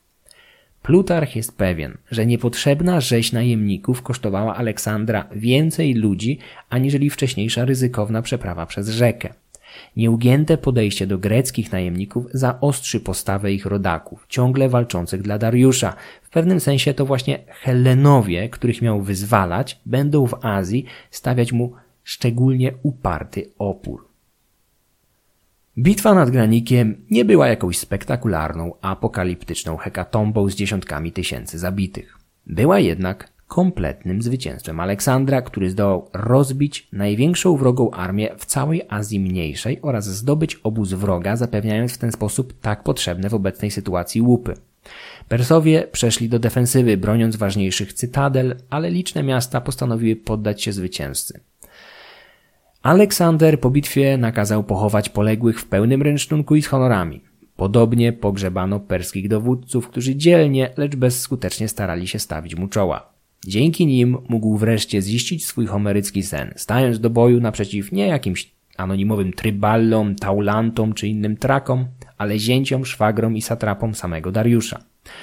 Po walce król osobiście odwiedził rannych, okazując zainteresowanie każdemu z osobna. W myślach był już jednak daleko naprzód, planując kolejny etap swojej wielkiej wyprawy. Po krótkim odpoczynku zwycięska armia rozpoczęła marsz na południe. Kolejnym przystankiem było Sardes, stolica lokalnego satrapy Mitrenesa, dysponująca olbrzymim skarbcem i uchodząca za niezdobytą cytadelę. Dzięki tajnym negocjacjom z lokalnym satrapą miasto udało się zdobyć bez walki, co było sporym sukcesem Macedończyków i nieprzyjemnym zaskoczeniem dla Persów. Mitrenes starym asyryjskim zwyczajem wyjechał na powitanie nadciągającego Aleksandra i oddał mu uroczysty pokłon. W zamian Macedończyk pozwolił mu zachować dotychczasowe stanowiska, co było niemałym zaskoczeniem dla jego rodaków. W ten sposób Aleksander starał się przeciągać na swoją stronę lokalną arystokrację, co znacznie ułatwiało zarządzanie multietnicznym imperium. Po upadku Sardes Macedończycy ciągnęli dalej na południe, zachodnim wybrzeżem Azji Mniejszej, dokonując obiecanego jeszcze przed rozpoczęciem wyprawy wyzwalania kolejnych miast helleńskich. Co ciekawe, wyzwalanie owo nie zawsze miało wymiar jedynie propagandowy. Rozkazem Aleksandra powszechnie obalano oligarchie sympatyzujące z Persami, a w ich miejsce wprowadzano demokrację, które, jak dowodzi tego materiał archeologiczny, faktycznie zaczęły pracować szybszym tempem. Krzysztof Nawodka pisze, że archeolodzy zauważyli duży, czasem kilkudziesięciokrotny wzrost pozostałości epigraficznych po uchwałach publikowanych tak w nowych, jak istniejących wcześniej demokracjach, w tym regionie w ostatnich dekadach IV wieku przed naszą erą. Miasta państwa wyzwolone przez Aleksandra wchodziły od razu w sojusz z nim. Nie miały oczywiście innej możliwości, ale król pozostawiał im dużą suwerenność w polityce wewnętrznej, a nawet zagranicznej. Wyzwalanie Greków małoazjatyckich nie było więc tylko zabiegiem propagandowym. Nie wszyscy jednak chcieli dać się wyzwolić, bądź z racji pobytu wiernych Persom garnizonów mogli łatwo przejść na stronę Aleksandra. Milet zdobyto po krótkich walkach, w których szczególnie wyróżniła się macedońska flota, o dziwo znacznie słabsza od perskiej. Pomimo tego, cierpiący na ciągły brak pieniędzy pochłanianych przez olbrzymie wojsko, Aleksander zdecydował się na bardzo kontrowersyjny krok rozwiązanie niemal całej floty. Argumentowano ten ruch znaczną przewagą Persów na morzu i wysokimi kosztami utrzymania marynarki wojennej, zawsze znacznie droższej od wojsk lądowych. Aleksander zaś zdecydował, że wygra z flotą przeciwnika, zdobywając jej bazy lądowe. Okręty wojenne w starożytności były ograniczone w swoich działaniach przez dostępność bliskich, przyjaznych portów. Załogi musiały na noc cumować przy brzegu i odpoczywać na lądzie. Tam też zaopatrywano się w niezbędną wodę i żywność. W efekcie taktyka Aleksandra nastawiona na systematyczne zdobywanie perskich portów nie była pozbawiona logiki, była jednak niewiarygodnie ryzykowna. Dariusz, widząc, że wojna rozwija się w niesprzyjającym kierunku, nadał Memnonowi najwyższe uprawnienia, oddając w jego ręce dowództwo nad wojskami lądowymi i morskimi w regionie. Sprytny Grek, obok Aleksandra jeden z najwybitniejszych taktyków i strategów swoich czasów, okopał się tymczasem w Halikarnasie, ważnej twierdzy leżącej w południowo-zachodniej Azji Mniejszej. Do tego jego flota wobec rozwiązania podobnych jednostek po stronie przeciwnika zaczęła bezlitośnie wykorzystywać swoją przewagę na morzu. Persowie zaczęli zajmować kolejne wyspy na Morzu Egejskim, idąc w kierunku Hellespontu. Ich strategia była klarowna. Chcieli odciąć Aleksandra od Macedonii, a tym samym rezerw i zaopatrzenia. Jednocześnie dzięki złotu, hojnie napływającemu z Persji, Memnon zamierzał wywołać helleński zryw na macedońskich tyłach. Aleksander tymczasem utknął pod murami Halikarnasu za wzięcie bronionego przez lokalną załogę złożoną z Persów i greckich najemników. Walki trwały tygodniami i tylko dzięki wielkiej ekwilibrystyce i przemilczeniom późniejsi kronikarze ukrywali skalę problemów narastających po stronie młodego króla. Po jednym z nieudanych szturmów Aleksander musiał po raz pierwszy w tej wojnie prosić obrońców o wydanie ciał zabitych, co w ówczesnym świecie formalnie oznaczało przyznanie się do porażki. Jeden z nieudanych macedońskich ataków miało sprowokować dwóch pijanych żołnierzy, którzy pokłócili się między sobą o to, który z nich jest odważniejszy, a następnie pognali obaj w kierunku oblężonych, kładąc kilku z nich trupem. Do walki włączyło się szybko więcej żołnierzy z obu stron, ale chaotyczny szturm ostatecznie odparto. Pomimo tego oblężenie postępowało, a garnizon obrońców wykrwawiał się. Nie bez znaczenia była tutaj macedońska biegłość w zakresie prowadzenia wojny oblężniczej, rozwinięta jeszcze bardziej przez inżyniera Diadesa, następcę słynnego Poleidosa z Tesalii. W końcu Memnon zdecydował się podpalić większą część miasta i pod osłoną płomieni wycofać wraz z większością żołnierzy na pobliską wyspę Kos. W Halikarnasie ciągle broniły się jednak dwie małe cytadele i sytuacja ta nie uległa zmianie przez kolejne kilka miesięcy. Aleksander nie zajmował się już jednak tymi działaniami. Do zaszachowania pomniejszego garnizonu zostawił tylko część swoich sił. W Halikarnasie król miał okazję znaleźć chwilę wytchnienia, nawiązując znajomość z tutejszą władczynią Adą, pochodzącą z dynastii Hekatomnidów, tej samej, która wydała słynną Artemizję. Starsza królowa miała być rzekomo tak oczarowana Aleksandrem, że zaczęła traktować go niczym syna, śląc mu nawet ciastka i przysmaki. Plutarch zapewnia jednak, że młody król zachował wstrzemięźliwość i odmówił sobie tych przyjemności. Kolejne miesiące 334 roku przed naszą erą widziały Macedończyków postępujących stopniowo w głąb Azji Mniejszej. Po opuszczeniu Kari retoryka wyzwalania Greków mogła zostać porzucona, gdyż po prawdzie lokalne społeczności składały się głównie z innych etnosów. Stopniowo zajmowano kolejne miasta, obsadzając je wiernymi załogami, co powodowało nieznaczne, ale postępujące uszczuplenie sił armii. Aleksander ponawiał więc prośby o przesyłanie nowych rekrutów z Macedonii i Hellady. Jego oficerowie udawali się także na Pelopones, gdzie podpisywano kontrakty z najemnikami.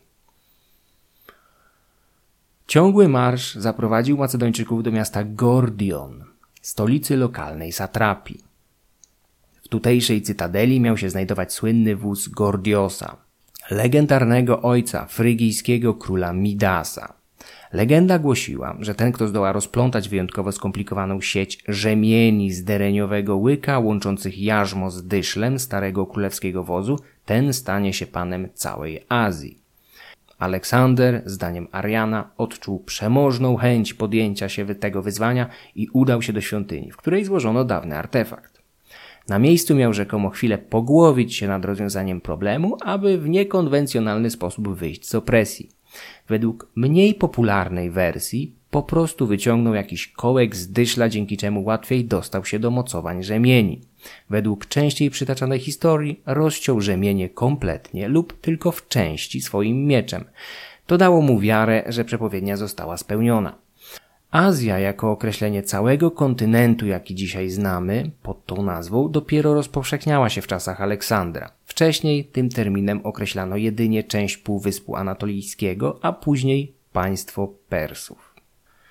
Tymczasem sytuacja na tyłach Aleksandra przyjmować zaczęła niepokojący charakter. Memnon zdobywał coraz więcej wysp na Morzu Egejskim, grożąc przecięciem linii komunikacyjnych z Macedonią. Do tego w Helladzie zaczęło pracować perskie złoto. Sześć dekad wcześniej Persowie takimi samymi zabiegami zdołali zmusić spartańskiego króla Agesilaosa do wycofania się z Azji Mniejszej. Tym razem w odniesieniu podobnego sukcesu miała im przeszkodzić nagła śmierć głównego architekta tej strategii. Podczas oblężenia nadmorskiej Mytileny Memnon z Rodos miał zachorować, a krótko później umrzeć. Żaden z jego następców nie zdołał w pełni zastąpić błyskotliwego Greka. Flota perska stopniowo odcinana od przyjaznych portów topniała, zaś Aleksander, widząc zagrożenie płynące ze swojej decyzji o rozwiązaniu własnej floty, nakazał jej odbudowę. Perskie plany odcięcia macedońskiej ekspedycji od Europy spaliły na panewce. Persowie starali się wypracować nową strategię. Czemu miał służyć zjazd ważniejszych dostojników imperium w Babilonie, jednej ze stolic państwa Achemenidów? Podczas obrad doszło do zażartej kłótni między rodowitymi perskimi dostojnikami a Ateńczykiem Haridemosem, dowódcą najemników i odwiecznym wrogiem Macedończyków. Persowie mieli przekonywać swojego króla do zmobilizowania armii z całego imperium i wyruszenia osobiście na jej czele, co było zabiegiem, do którego uciekano się dotychczas jedynie w ostateczności. Haridemos naciskał, aby zebrać armię w dużej mierze opierającą się na Grekach, której dowództwo zostałoby oczywiście przekazane jemu. Podczas wymiany zdań Grek zapomniał najwyraźniej, że nie znajduje się już na ateńskiej agorze i pozwolił sobie na kilka uszczypliwych uwag pod adresem kompetencji i odwagi Persów. Dariusz, widząc, że cudzoziemiec obraża jego rodaków, a po części także i krewnych, więc i jego samego, błyskawicznie zbliżył się do Haridemosa, symbolicznie dotykając jego pasa. Oznaczało to wydanie wyroku śmierci na krewkiego Greka. Egzekucję wykonano niezwłocznie. Król miał później, gdy już ochłonął, pożałować swojego czynu. Było już jednak za późno. Postanowiono zebrać wielką armię w Babilonii, chociaż nie zdecydowano się na masową mobilizację sił z całego imperium, zwłaszcza ze wschodu. Ruszył zakrojony na szeroką skalę zaciąg greckich najemników. Dariusz szykował się do wojny totalnej. Tymczasem nastał już rok 333 przed naszą erą. Macedończycy powoli, acz systematycznie zdobywali kontrolę w Azji Mniejszej, kierując się w kierunku Syrii. Aleksander nigdy nie zdołał sobie podporządkować całego Półwyspu Anatolijskiego. Problemy z tym będą mieli także jego diadochowie. Angielski historyk Robin Lane Fox, który w latach 70. przebył osobiście całą domniemaną trasę wyprawy Aleksandra, pewną jej część konno lub pieszo, zaznacza, że podbój Azji w pierwszej fazie ograniczał się głównie do najważniejszych szlaków handlowych dróg oraz pewnego terytorium w ich bezpośrednim sąsiedztwie. Tereny górzyste, trudno dostępne i odizolowane od głównych szlaków mogły cieszyć się sporą niezależnością jeszcze przez lata. Zresztą wyznaczani przez Aleksandra satrapowie nowych prowincji praktycznie od samego objęcia urzędu byli uwikłani w pacyfikowanie i dokładniejsze podbijanie nowych ziem. Późnym latem 333 roku Aleksander przekroczył wrota cylicyjskie prowadzące w kierunku żyznej krainy znanej jako Cylicja. Tutaj zawsze skłonny do brawury król, wyczerpany długim marszem, postanowił podczas jednego z postojów wskoczyć do lodowatego nurtu rzeki Kydnos. Lekkomyślna kąpiel w lodowatym górskim strumieniu skończyła się dla rozgrzanego i zmęczonego ciała skurczem mięśni, a następnie poważnymi problemami zdrowotnymi. Objawy takie jak wysoka gorączka, osłabienie, bezsenność utrzymywać się miały przez tygodnie. Dzisiaj najczęściej interpretuje się je jako zapalenie płuc, chociaż pojawiają się także pomysły, że mogła to być malaria. Cylicja była wówczas rejonem malarycznym. W obozie pojawiły się pierwsze plotki o nadchodzącym zgonie młodego władcy. Jeden z jego najbliższych przyjaciół, skarbnik królestwa, Harpalos, nie wytrzymał napięcia i zbiegł nawet do Hellady z pokaźną sumą pieniędzy. Aleksander przebaczy mu dwa lata później i z powrotem obsadzi na tym samym stanowisku. Kilkanaście lat później z kolei historia powtórzy się znowu, gdy do Babilonii dotrą pogłoski o śmierci Aleksandra podczas morderczego marszu przez Gedrozję. Harpalos zaś znowu ucieknie z pieniędzmi do Grecji. Tymczasem jednak król miał znajdować się w sytuacji agonalnej i tylko jeden lekarz, Filip z Akarnani, miał odważyć się na podjęcie kuracji, co było gestem wielkiej odwagi, gdyż nieudana terapia z pewnością skończyłaby się oskarżeniami o podanie trucizny. Tym razem jednak było inaczej. Ziołowa mikstura przygotowana przez medyka miała dosłownie zwalić Aleksandra z nóg, kończąc się czymś na kształt ataku epileptycznego. Król zdołał jednak pokonać zarówno chorobę, jak i lekarstwo. Z czasem powrócił do zdrowia. Ale faktem jest, że cała armia przez kilka wrześniowych tygodni roku 333 Oczywiście przed naszą erą. Wszystkie daty, jakie będą pojawiać się w tym odcinku są przed naszą erą, więc nie będę od tego momentu tego dodawał. Cała armia zamarła w oczekiwaniu na wieści o stanie zdrowia króla. Swoją drogą w podobnych okolicznościach co Aleksander, 15 wieków później podczas kąpieli w lodowatym górskim strumieniu Azji Mniejszej podczas trzeciej krucjaty swoją śmierć znalazł niemiecki cesarz Fryderyk Barbarossa. W czerwcu 1190 roku złapał go skurcz i zanim ktokolwiek zdołał interweniować, cesarz utonął. Po wyzdrowieniu jej króla, armia macedońska ruszyła do Syrii, licząc na rychłe spotkanie z Dariuszem. Macedończycy nie spodziewali się, że olbrzymia perska armia faktycznie znajdowała się zaledwie kilka dni drogi od nich. Nieznajomość terenu i brak dobrego wywiadu zaowocowała wypadkami, które stały się przyczyną stoczenia bitwy w takim, a nie innym miejscu i położeniu. Po przybyciu pod niewielkie miasto Issos, Aleksander nakazał zorganizować w nim szpital, w którym zostawił rannych i chorych opóźniających pochód. Sam zaś, podzieliwszy wojsko na dwa korpusy dowodzone przez siebie i Parmeniona, pomaszerował na południe. Wkrótce po wymarszu ostatnich wojsk do Issos wkroczyła perska awangarda. Nadciągający ze wschodu, z Babilonii, Dariusz musiał mieć lepsze rozeznanie w sytuacji. Jego strategia wydaje się być również dobrze zaplanowana. Pragnął zaskoczyć Macedończyków na otwartej przestrzeni, wykorzystując swoją przewagę liczebną. Spóźnił się jednak minimalnie. Jego ludzie zmasakrowali więc rannych i chorych Macedończyków. Niektórym zaś po odrąbaniu rąk pozwolili udać się w pogoń za ich królem z informacją o przybyciu Persów. Wiadomość o Persach na jego tyłach zaskoczyła Aleksandra, który z początku w ogóle w nią nie uwierzył. Prędko zorientował się jednak w sytuacji, która była dość ciężka.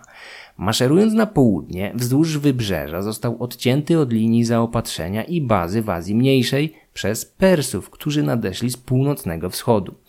W zaistniałej sytuacji Dariusz mógłby się teoretycznie okopać i starać wygłodzić Macedończyków, ale rzeczywistość nie była taka prosta. Jego olbrzymia armia, być może dwu, trzykrotnie liczniejsza od sił Aleksandra, również musiała jeść. Pozbawiony w tym rejonie floty, daleko od własnych składów zaopatrzenia, Dariusz również musiał przejść do bitwy.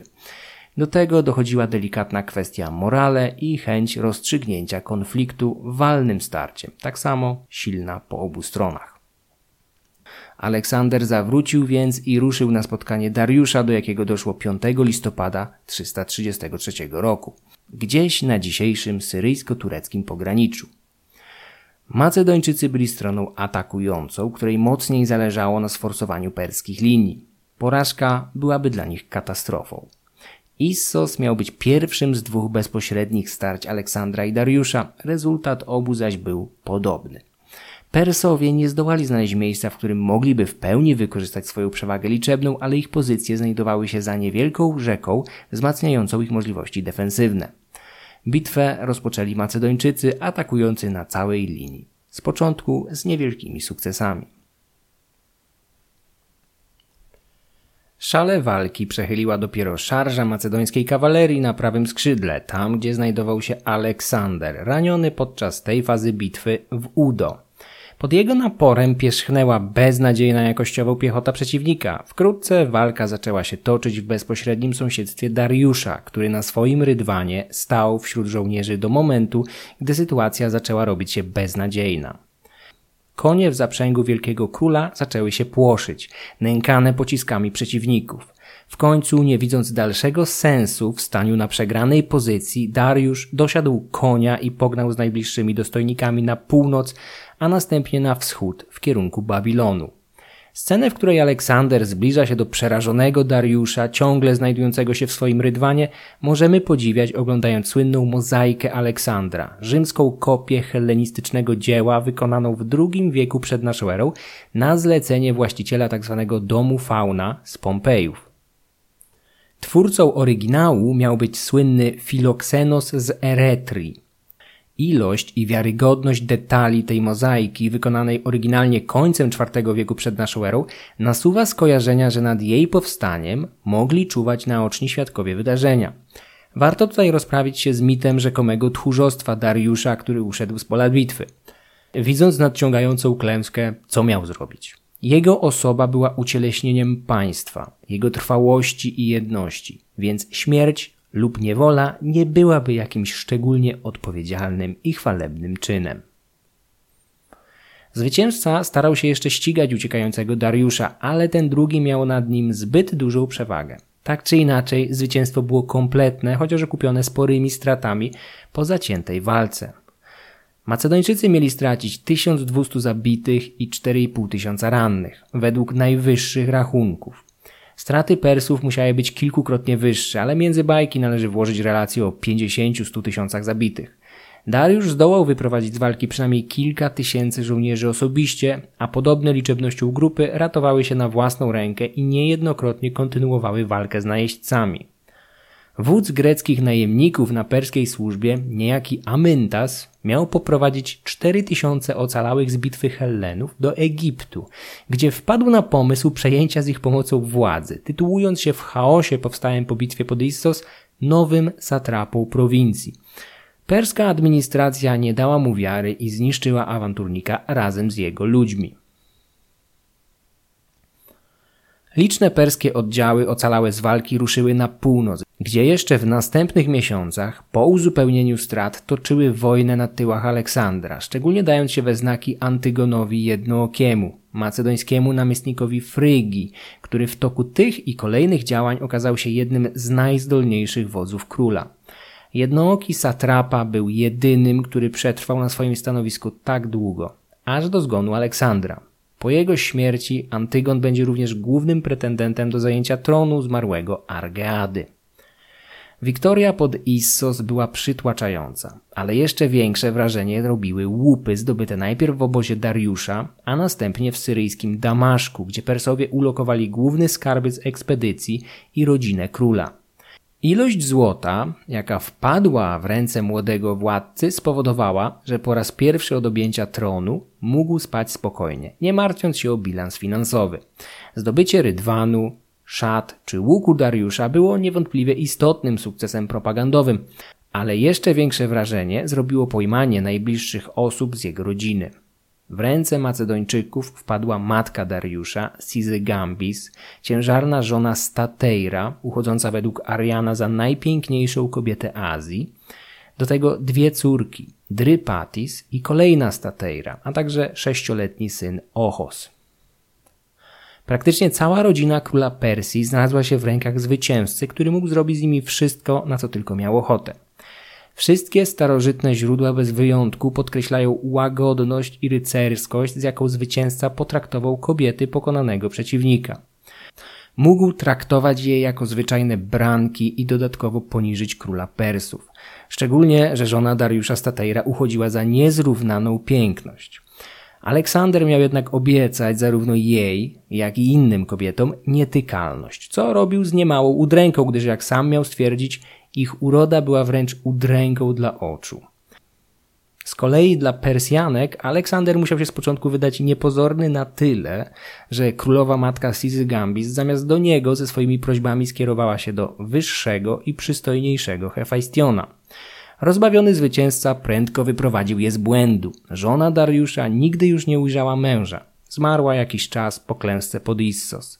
Spodziewała się dziecka, więc jak podejrzewają badacze, umarła podczas połogu lub tuż po nim. W zachowaniu Aleksandra wobec Persjanek kryła się jednak kalkulacja polityczna. Podobnie jak w przypadku wcześniejszego satrapy Sardes, tak i w tym wypadku starał się okazywać szacunek pokonanym elitom, aby tym prędzej przeciągać je na swoją stronę. W tym momencie jego oficjalna narracja coraz rzadziej podkreślała chęć wyzwalania Greków czy pomszczenia dawnych krzywd Hellady bądź zabójstwa Filipa. Aleksander coraz częściej określał się jako prawomocny król Azji, legalny w tym sensie, że zdobył ją uczciwie za pomocą włóczni. Uważał się wprost za następcę Dariusza, a od niego samego oczekiwał uznania swojego nowego statusu. Według ówczesnych Greków kraj można było legalnie zdobyć na trzy sposoby: poprzez dziedziczenie, zakup albo dzięki zwycięskiej bitwie w otwartym polu, czyli za pomocą włóczni. Ze szlachetnym zachowaniem swojego wodza mocno kontrastowały czyny podwładnych, którzy po zdobyciu perskiego obozu błyskawicznie rozpoczęli rabunek znalezionych tam skarbów oraz gwałty na perskich kobietach, zwyczajowo towarzyszących w kampanii wyższym oficerom. Los pojmanych Persjanek opisuje m.in. Diodor. Cytuję. Los wziętych do niewoli kobiet był w największym stopniu przerażający. Te, które wcześniej podróżowały w zbytku na kosztownych wozach i nigdy nie pokazywały ani skrawka nagiego ciała, w porozdzieranych szatach z krzykiem wybiegały z namiotów, głośno wzywając bogów i rzucając się swoim zdobywcom do kolan. Zrywały drżącymi rękami ozdoby z ciał i z rozwianymi włosami biegały po nierównym terenie. Niektórzy wlekli te nieszczęsne, ciągnąc je za włosy, a inni rozdzierali szaty i rzucali się z pięściami na ich nagie ciała, kłując dolnymi końcami włóczni, biorąc to, co im los darował. Zuchwale znieważali to, co dla barbarzyńców jest najbardziej czcigodne i szlachetne. Koniec cytatu. W podobnym tonie wypowiada się także Plutarch. Publiczne obnażanie pokonanych Persjanek nie wzięło się jedynie z chęci zaspokojenia potrzeb seksualnych wśród zwycięskich żołnierzy, którzy ciągle byli w stanie euforii po bitwie i otarciu się o śmierć. Azjaci mieli diametralnie inne podejście do nagości od Greków, o czym ci drudzy doskonale wiedzieli. 60 lat wcześniej, podczas azjatyckiej kampanii spartańskiego króla Agesilaosa, perscy jeńcy byli z rozkazu Spartanina publicznie obnażani i wyśmiewani przez Greków. Szczególne drwiny wywoływały ich jasne, nieopalone na słońcu ciała, tak kontrastujące ze śniadymi od przebywania pod promieniami Heliosa Hellenami. Aleksander musiał tak tu, jak i w wielu innych miejscach pozwolić wyszaleć się wojsku. Do tego dochodziła jeszcze chęć zemsty za los rannych i chorych Macedończyków wymordowanych lub okaleczonych przez ludzi Dariusza nieco wcześniej. Król będzie bezlitośnie egzekwował zakaz gwałtów i rabunków na już wcielonych do swojego imperium ziemiach. W przyszłości z jego rozkazu zgładzonych zostaną setki oskarżonych o takie przestępstwa żołnierzy i oficerów. Tuż po bitwie jednak należało dać wojsku wolną rękę. Takie były prawa wojny. W Damaszku w ręce Macedończyków wpadła Barzine, spokrewniona za Hemenidami kobieta, wdowa po Memnonie z Rodos. Będąca wówczas około trzydziestki, osiem lat starsza od Aleksandra, wpadła mu od razu w oko. Stała się jego kochanką i pierwszą wspominaną przez źródła partnerką. Jednocześnie będzie ona prawdopodobnie jedyną kobietą, z którą młody zdobywca nawiąże nie tylko jakąkolwiek, ale również trwałą więź emocjonalną. Poza oczywiście jego matką. Barzine, odznaczająca się wybitną urodą i nieprzeciętną inteligencją, jakiś czas potem urodzi syna Heraklesa, powszechnie uważanego za potomka Aleksandra, chociaż ten ostatni nigdy oficjalnie go nie uzna. Herakles odegra rolę pionka w rozgrywkach diadochów już po śmierci swojego ojca, a w końcu zginie gwałtowną śmiercią. W Damaszku w ręce zwycięzcy wpadły nie tylko branki. Natrafiono tam również na posłów z Aten i Sparty, którzy przybyli jeszcze przed bitwą, aby jako pierwsi mogli złożyć Dariuszowi gratulacje z okazji zwycięstwa. O ile obecność Spartan nie była zaskoczeniem, o tyle w przypadku Ateńczyków, formalnie sojuszników Macedonii, było to zajście co najmniej niezręczne. Aleksander internował ambasadorów i wypuścił ich dopiero po pokonaniu Dariusza kilka lat później. Bitwa pod Issos musiała być dla armii macedońskiej na tyle krwawym doświadczeniem, że jej dowódca wbrew swojemu charakterowi nie zdecydował się gnać prosto na Babilon, nie tylko zaraz po niej, ale także wiosną kolejnego roku. Armia mogła wymagać odpoczynku. Z drugiej strony tereny Syrii i północnej Mezopotamii były ogołocone po wielomiesięcznym stacjonowaniu i przemarszu wielkiego wojska perskiego szykowanego pod Issos. Splot tych czynników razem z rosnącą potęgą morską Macedonii, umożliwiającą zaopatrywanie armii z morza, mógł stać za decyzją udania się na południe w kierunku Egiptu. Ta destynacja mogła uchodzić za front o drugorzędnym znaczeniu, ale Aleksander mógł zawsze spodziewać się jakiejś dywersji na tyłach z tego kierunku. Dlatego podjął decyzję o zajęciu Fenicji, Palestyny i Egiptu, zanim dojdzie do ostatecznej rozprawy z Wielkim Królem. Początkiem 332 roku Macedończycy posuwali się wybrzeżem Syrii i Fenicji, stopniowo zajmując kolejne miasta, zamieszkane głównie przez Fenicjan. Wieść o klęsce wielkiego króla rozniosła się lotem błyskawicy, ostatecznie niszcząc perską flotę składającą się w dużej mierze z okrętów dostarczonych przez mieszkańców Cypru i Fenicji. Teraz Cyprioci i Fenicjanie na wyścigi starali się zaskarbić sobie przychylność nowego zwycięzcy. Nie wszyscy jednak byli skłonni do daleko idących ustępstw, aby zdobyć przyjaźń Macedonii. Szczególnie asertywnie zachowywali się bowiem mieszkańcy wyspiarskiego, wówczas Tyru. Ich miasto znane było z potężnej floty, tak handlowej jak wojennej, a dzięki położeniu na oddalonej o jakieś 700 metrów od stałego lądu wyspie, Tyryjczycy uważali się za wyjątkowo bezpiecznych. Końcu 200 lat temu ich przodkowie wytrzymali kilkunastoletnie oblężenie Babilończyków na Buchodonozora II. Nieprawdaż? Podobnie jak wcześniej mieszkańcy Miletu, tak teraz Tyryjczycy zaproponowali Macedończykom zachowanie neutralności z takim samym efektem. Aleksander domagał się uznania jego zwierzchnictwa, a celem dowiedzenia tego oczekiwał wpuszczenia go na wyspę, tak aby mógł złożyć ofiary w świątyni Melkarta, utożsamianego z Heraklesem. Po przedłużających się negocjacjach Fenicjanie odrzucili żądania króla, a żeby dodatkowo ugodzić w jego ego, zamordowali członków jednej z macedońskich delegacji. Ciała dyplomatów zrzucono następnie z murów miasta na oczach całej armii Aleksandra. W tym momencie dla Tyru nie było już odwrotu z raz obranej ścieżki. Oblężenie Tyru rozpoczęto gdzieś w lutym, zaś ze względu na liczne trudności i niepowodzenia połączone z nieugiętym oporem mieszkańców, cała operacja trwała przynajmniej do sierpnia.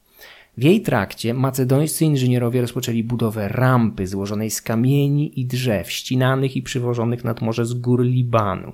Nękani atakami obrońców dominujących na morzu, Macedończycy prędko zrozumieli, że nic nie osiągną bez własnej floty.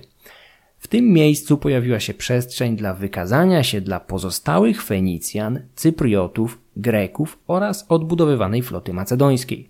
W ciągu wiosennych miesięcy przewaga na morzu przeszła na stronę Aleksandra, którego flota zdołała zagnać okręty Tyryjczyków do ich portu. Jednocześnie inżynierowie kontynuowali budowę rampy zbliżającej się z każdym dniem do ich miasta, chronionej dodatkowo przez drewniane wieże i strażników. Na przełomie lipca i sierpnia Tyr był już atakowany zarówno od strony morza, jak i ziemnej rampy, ale trzeba było kilku szturmów, aby ostatecznie wedrzeć się do wnętrza miasta. Początkiem sierpnia desant hypaspistów atakujących razem z Aleksandrem z okrętów zdołał wedrzeć się przez uszkodzone mury. Za nimi poszła reszta armii, doprowadzonej do wściekłości wielomiesięczną gehenną pod murami opornego grodu. Tyr spotkał los beockich Teb, zniszczonych przez Macedończyków trzy lata wcześniej. Oszczędzono jedynie tych, którzy zdołali się na czas ukryć w świątyni Melkarta. Dziwnym zbiegiem okoliczności był to król z rodziną, dworzanami, lokalną elitą i kartagińską delegacją. Ruszeni sumieniem Sydończycy uczestniczący w obleganiu miasta mieli podobno zabrać na własne pokłady część rodaków z upadającego grodu i ocalić ich przed tym, co nastąpiło dalej. W mieście, normalnie liczącym 50 tysięcy mieszkańców, w trakcie walk zginęło 7 tysięcy. Kolejne 2 tysiące ukrzyżowano po zwycięstwie. W niewolę zaś sprzedano od 13 do 30 tysięcy, w zależności od źródła. Reszta zdołała uciec tuż przed oblężeniem do Kartaginy, bądź ocalała dzięki wspomnianym mieszkańcom Sydonu. Miasto przetrwało, ale nigdy już nie powróciło do dawnej świetności. Upadek Tyru, uchodzącego za najtrudniejszą do zdobycia fortecę w basenie Morza Śródziemnego, rzucił postrach na wszystkich, którzy z jakiegoś powodu nie słyszeli jeszcze o losie Teb. Cała operacja zaś była szczytowym osiągnięciem ówczesnej myśli inżynieryjnej i oblężniczej. Straty po stronie macedońskiej Arian ocenia na zaledwie kilkuset ludzi, co w zgodnej opinii nowszych badaczy jest sumą nieco zaniżoną. Chyba, że historyk podaje jedynie zabitych rodaków Aleksandra, ignorując wszystkich sprzymierzeńców.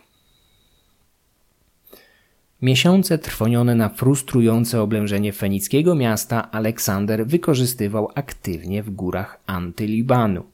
Tutaj Macedończycy musieli zająć się i Turejczykami, plemieniem napadającym na żołnierzy zajętych pozyskiwaniem cennych libańskich cedrów wykorzystywanych do budowy rampy oblężniczej. Podczas dziesięciodniowej kampanii Aleksander miał razem z małym oddziałem zgubić się gdzieś w górach. Przemoczeni, pozbawieni ognia Macedończycy stanęli przed widmem mroźnej nocy. W krótkiej relacji przypominającej opowieści płaszcza i szpady Dowiadujemy się, że Aleksander udał się osobiście na przeszpiegi i zdobył ogień w obozie Iturejczyków, własnoręcznie zabijając wcześniej dwóch strażników. Opowieść wydaje się przesadzona, ale tylko jeżeli zignorujemy inną z tego samego okresu i wiele, wiele innych z późniejszych lat wyprawy azjatyckiej. W górach Antylibanu Macedończycy mieli dla rozrywki polować na grubego zwierza, mianowicie na lwy. Podczas jednego z takich polowań Aleksander, zawsze na pierwszej linii, został niemal rozszarpany przez drapieżnego kota. Od śmierci uratował go w ostatniej chwili wierny Krateros. Świadkiem tego zdarzenia miał być jeden z internowanych spartańskich ambasadorów. Spartanin miał nieco drwiąco pochwalić młodego króla, mówiąc, że wspaniale dzisiaj walczył o swoje królestwo z tym lwem. Odwaga władcy była bezdyskusyjna, ale nawet ona czasami gasła przy jego lekkomyślnym ryzykanstwie. Gdy Macedończycy zmagali się z opornym Tyrem, do ich obozu co jakiś czas docierały poselstwa od Dariusza. Wielki król pragnął pokoju i odzyskania rodziny, wobec czego podjął na przestrzeni niemal dwóch lat dzielących bitwy pod Issos i Gaugamelą przynajmniej trzy próby pokojowego zakończenia konfliktu, stopniowo podnosząc oferowaną stawkę. Trudno ustalić, co tak naprawdę oferował Dariusz, gdyż zdaniem Diodora Aleksander przynajmniej z początku ukrył przed armią rzeczywistą ofertę wielkiego króla, która była tak hojna, że jej odrzucenie mogło skończyć się buntem. Dariusz w toku negocjacji stopniowo podnosił stawkę. Oferował Aleksandrowi rękę swojej córki, tysiące talentów okupu i koncesje w Azji Mniejszej, a potem przed Gaugamelą aż po Eufrat. Parmenion miał powiedzieć królowi, że gdyby był nim, zaakceptowałby tę ofertę. Aleksander z kolei miał odrzec, że też by to zrobił, gdyby był Parmenionem. Po Issos Macedończyk stawiał wszystko na jedną kartę. Chciał zdobyć całą Azję i zasiąść na tronie Achemenidów jako ich następca. Już na tym etapie możemy odrzucić wszelkie naiwne hipotezy o planach hellenizacji podbijanych ziem.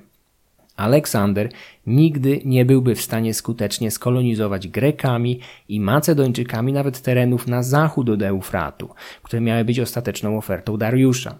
Hellenistyczne monarchie, jakie nastaną po jego śmierci, będą hellenistyczne z wierzchu, zaś żywioł grecki nigdy poza pewnymi małymi obszarami i większymi metropoliami jak Aleksandria nie zdominuje lokalnych kultur ani w Egipcie, ani w Mezopotamii, a o Iranie czy Baktrii nawet nie wspominając. Po zdobyciu Tyru armia ruszyła dalej na południe, stopniowo zajmując Palestynę.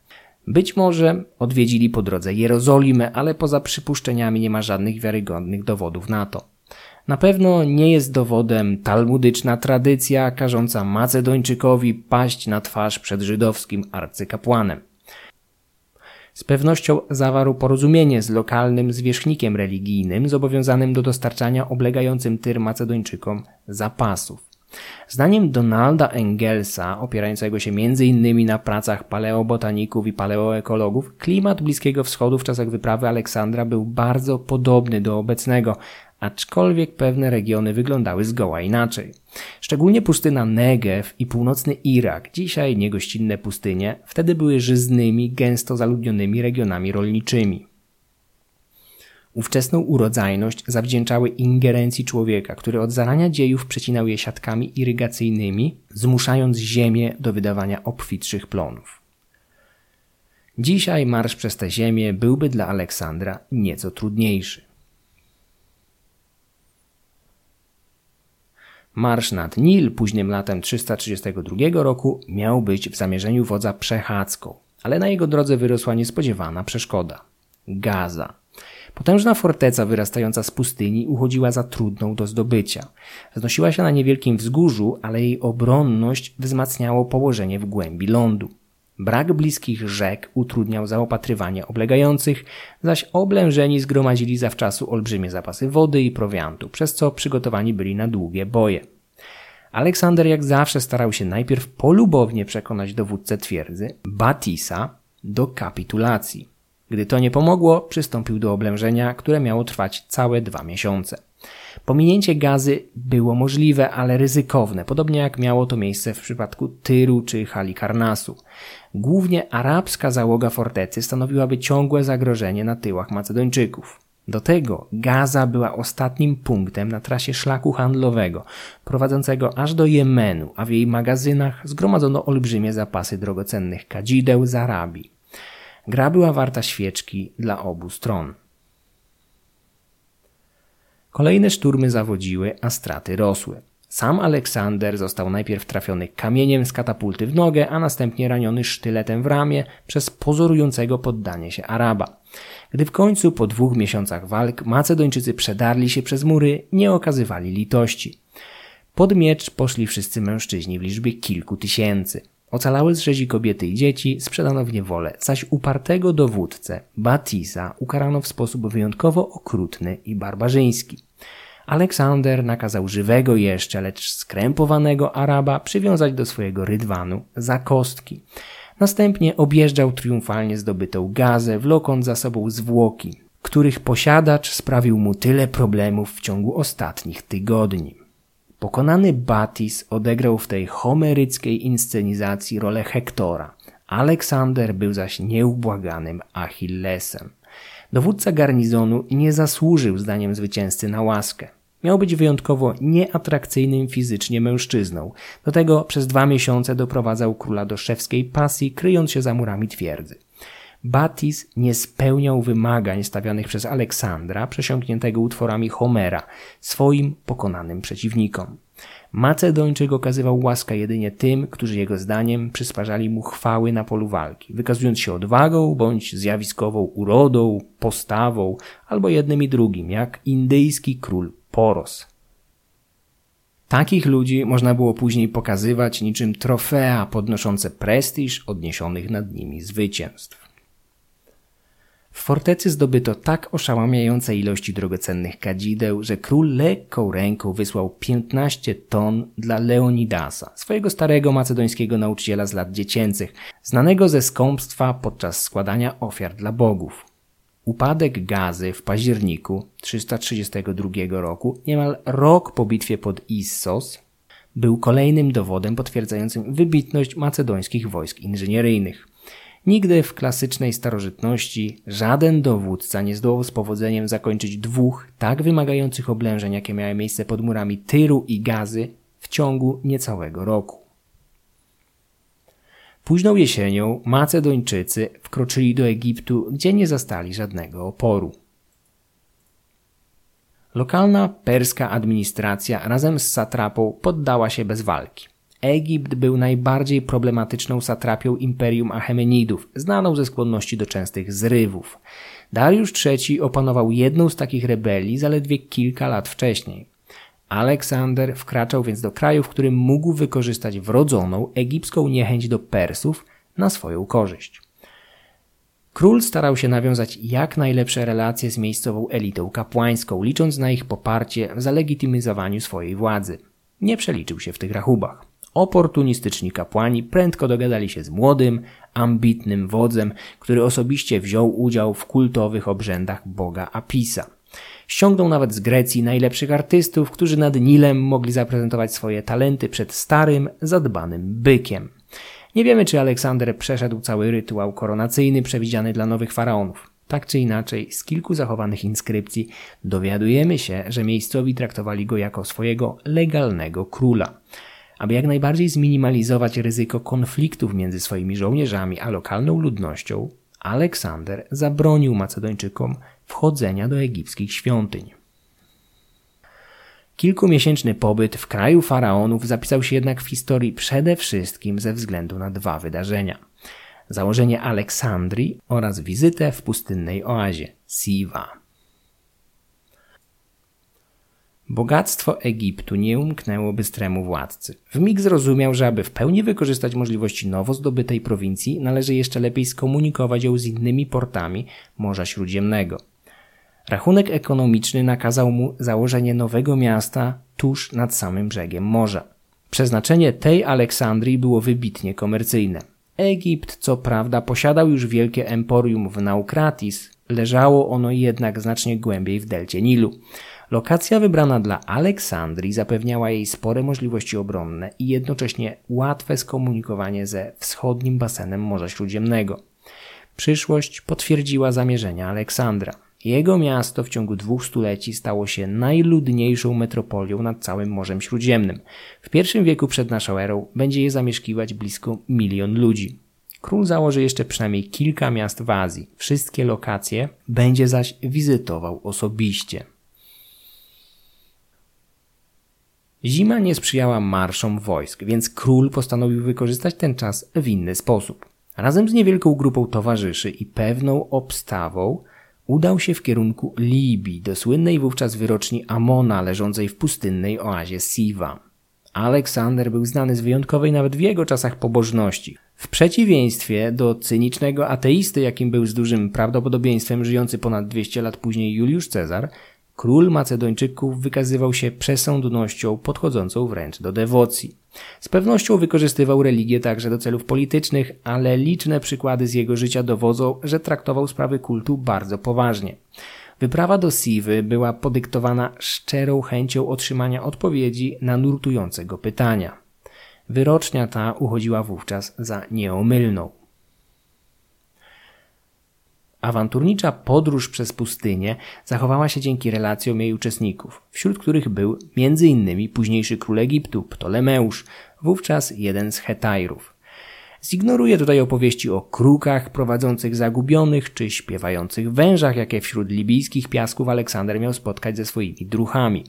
Po kilkunastodniowej, wyczerpującej przeprawie Macedończycy dotarli do Siwy. Aleksander był pierwszym w historii królem Egiptu, który pofatygował się osobiście do tego miejsca. Został na miejscu przyjęty z czołobitną uprzejmością. Wyrocznia udzieliła odpowiedzi na pytania Macedończyka. Doszło jednak do tego bez świadków. Sam zainteresowany nigdy nie zdradził, nawet najbliższym przyjaciołom, o co pytał i czego się dowiedział. Wszystko, co napisano o tym wydarzeniu później, jest jedynie spekulacją, ale nie ulega wątpliwości, że krótki pobyt w Siwa zmienił życie Aleksandra. Od tego czasu coraz częściej zaczął tytułować się jako syn Amona, a jego skronie na niektórych podobiznach zdobyć zaczęły charakterystyczne baranie rogi. Jako dwurogi, czyli Du al-Karnein, młody zdobywca, zapisał się na trwałe w bliskowschodniej tradycji i folklorze, z czasem nawet poprzez arabską mitologię, znajdując dla siebie miejsce w islamskim Koranie, gdzie jako legendarny ludzki król Du al-Karnein, wędrujący między wschodem a zachodem, miał zbudować olbrzymi mur oddzielający domeny ludzi od plemion Goga i Magoga. Pismo Święte również wspomina o greckim królu, który pobije Persów i Medów, lecz umrze u szczytu powodzenia, a jego imperium rozpadnie się na cztery części. Nie będzie jednak miało już jego mocy. Aleksander zapewne nie spodziewał się, że jego legenda w przyszłości podąży w takich kierunkach. Wiosną 331 roku trapiły go bardziej przyziemne zadania. Wielkimi krokami zbliżała się ostateczna jego zdaniem rozprawa z Dariuszem, który zbierał kolejną olbrzymią armię w Mezopotamii. Macedończycy rozpoczęli marsz na północ w kierunku Syrii. Ich kampania w Azji trwała już trzy lata, a nowo zdobyte ziemie wymagały poświęcenia czasu na administrację i organizację życia. Dochodziło również do pierwszych rewolt, takich jak ta w Samarii, której mieszkańcy jeszcze kilka miesięcy temu ochoczo współpracujący z Aleksandrem podczas oblężenia Tyru, teraz zbuntowali się i spalili żywcem macedońskiego namiestnika. Nadciągająca właśnie z południa armia macedońska dokonała w Samarii w odpowiedzi na te perturbacje czegoś, co dzisiaj określa się mianem czystki etnicznej.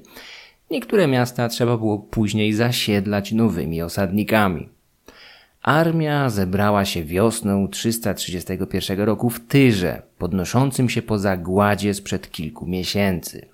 Urządzono tutaj igrzyska, połączone z występami najlepszych greckich artystów bawiących wojsko gotujące się do ostatecznej rozprawy z wielkim królem Dariuszem.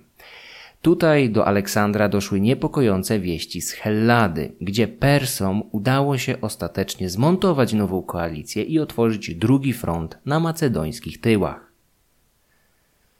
Głowę podnieśli Spartanie pod wodzą młodego króla Agisa III, który swoją brawurą i nieustępliwością przypominał samego Aleksandra. Nie dysponował jednak jego geniuszem, zasobami ani szczęściem. Król Sparty zdołał zorganizować całkiem silną, jak na greckie standardy, koalicję i zgromadzić pod swoim dowództwem około 20 tysięcy peloponeskich i najemnych hoplitów. W podjęciu decyzji o zrywie dodatkowo utwierdził go perski datek w wysokości żałosnych 30 talentów i 10 okrętów. Dla porównania Aleksander w perskim obozie pod Issos zdobył grubo ponad 2000 talentów, a jeszcze więcej wpadło w jego ręce w Damaszku. Spartański zryw miał szansę powodzenia, ale tylko przy założeniu, że wspomogą go Ateny i miasta państwa centralnej Hellady. To wsparcie nigdy się jednak nie zmaterializowało, gdyż Spartanie po początkowych sukcesach utknęli na kilka miesięcy pod peloponeskim megalopolis, nie będąc w stanie zdobyć tego średniej wielkości miasta. W tym czasie regent Macedonii Antypater zdołał, korzystając z własnych zasobów, zaciężnych najemników i pomocy greckich sojuszników, zmontować 40-tysięczną armię, która pomaszerowała na Pelopones. W wielkiej i niewiarygodnie krwawej bitwie, do jakiej doszło pod Megalopolis, macedońska koalicja straciła 3,5 tysiąca zabitych żołnierzy, ale zdołała kompletnie rozbić Spartanagisa, którzy stracili 5300 ludzi, w tym swojego króla, czyli ponad jedną czwartą armii. Dla cierpiącej z powodu postępującej zapaści demograficznej Sparty był to cios tak potężny, że Lacedemończycy na kolejne kilka dekad zaszyli się w sercu Lakonii, nie wychylając głów na zewnątrz. W pewnym sensie sami byli odpowiedzialni za swoją klęskę. Gdyby zdecydowali się dołączyć do sojuszu Teb i Aten przed Heroneją, być może historia potoczyłaby się inaczej. W 331 roku Teby były już tylko zgliszczami, zaś Ateny cieszyły się spokojem i niespotykanymi wcześniej przychodami zapewnionymi dzięki wymianie handlowej z częścią Azji podbitą przez Aleksandra. Bitwa pod Megalopolis i złamanie twardego oporu Sparty zrobiło jednak na współczesnych bardzo duże wrażenie. Zawsze zazdrosny o sławę Aleksander miał ostentacyjnie podsumować tę kampanię terminem wojna myszy – w rzeczywistości musiał jednak zazdrościć Antypatrowi tego sukcesu. Agis, jak typowy Spartanin, urodził się w dołku po ziemniakach, wychował się w tym dołku i tenże dołek stanowił granicę jego horyzontów. Był jednak z tego dumny i nie można mu odmówić straceńczej odwagi. W końcu nawet pomimo ciężkich ran kazał swoim ludziom porzucić się na polu walki, gdzie wkrótce poniósł śmierć, wysyłając jeszcze na tamten świat paru przeciwników, jak w hollywoodzkim filmie. Aleksander musiał w głębi serca nieco zazdrościć, że taki przeciwnik znalazł się w portfolio Antypatra, a nie jego. Stary regent zaś, doskonale znający charakter swojego władcy, roztropnie nie afiszował się z tym sukcesem. Antypater sprawował urząd regenta przez cały okres wyprawy azjatyckiej. Jego największym przeciwnikiem w tym czasie nie byli jednak Grecy czy plemiona bałkańskie, ale Olimpias, matka Aleksandra. Między starym generałem a wdową po Filipie trwała nieustanna, wieloletnia, zimna wojna, w której wszystkie chwyty były dozwolone.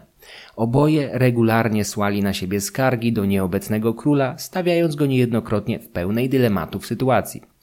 Pewnego razu, po przeczytaniu całej litanii skarg na Olimpias, w dużej mierze zapewne uzasadnionych, Aleksander miał z westchnieniem rzec, że jedna łza matki zmywa tysiące takich skarg.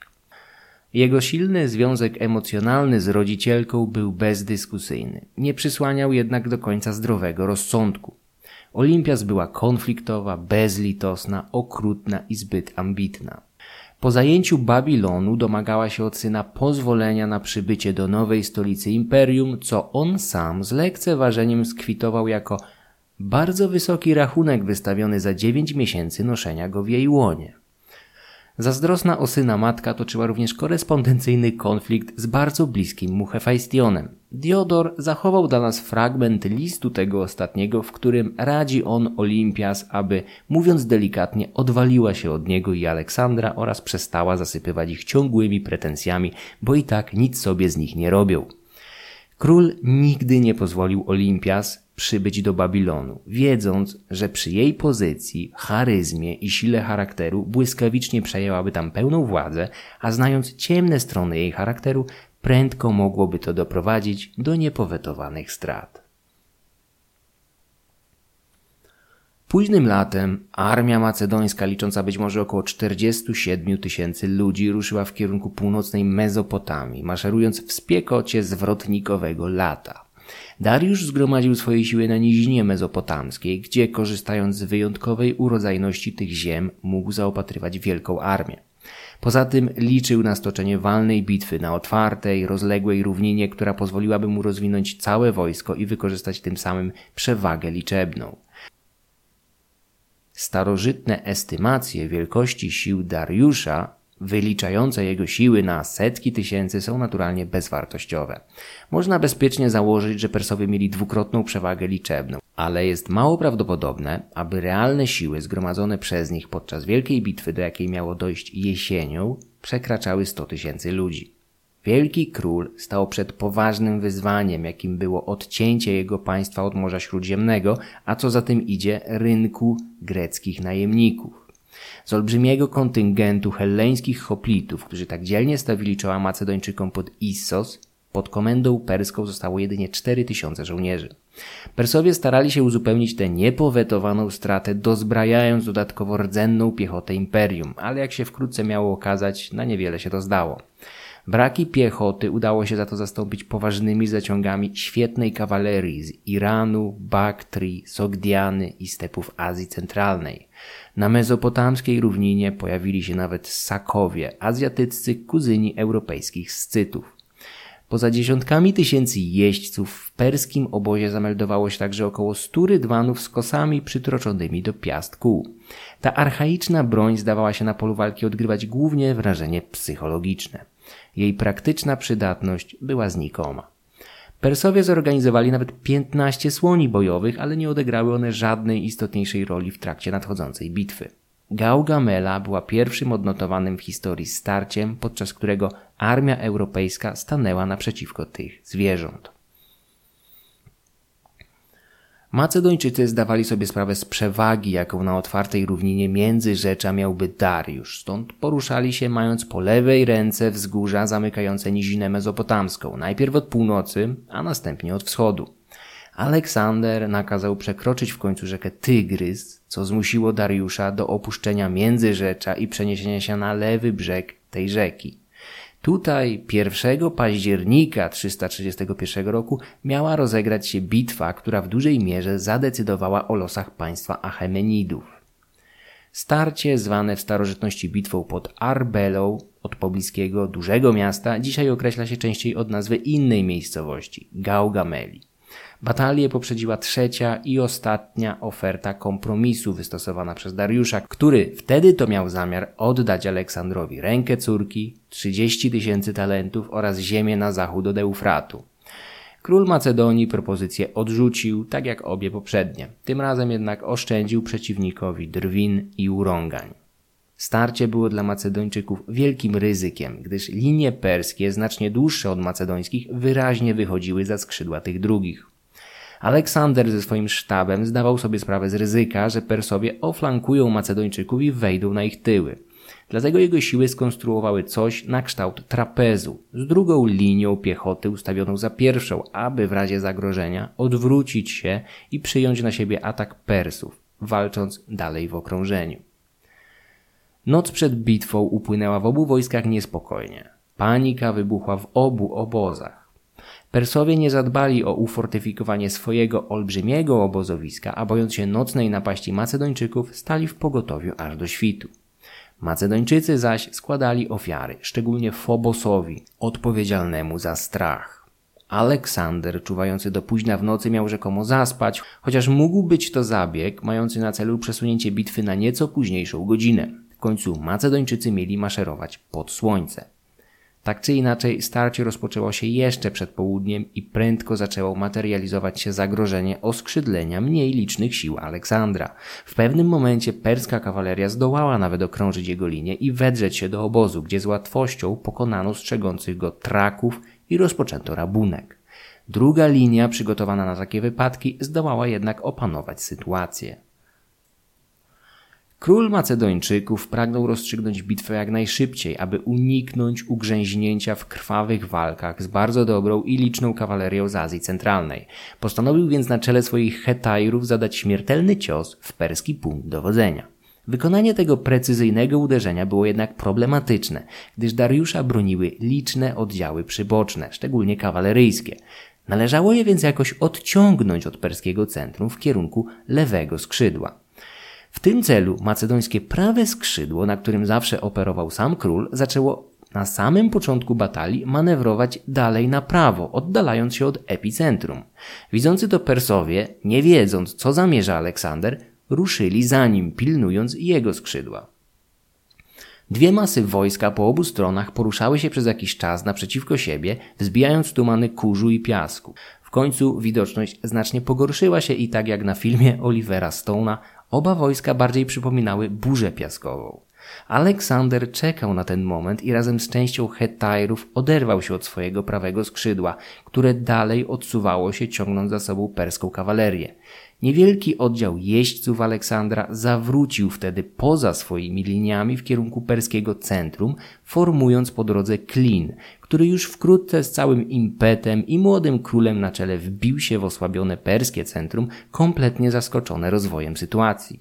Kawaleria Dariusza tymczasem zorientowała się już w położeniu, ale przejściowo ugrzęzła w walce ze słabszymi macedońskimi siłami, których jedynym zadaniem było utrzymanie jej z dala od centrum, gdzie ważyły się losy bitwy i Dariusza.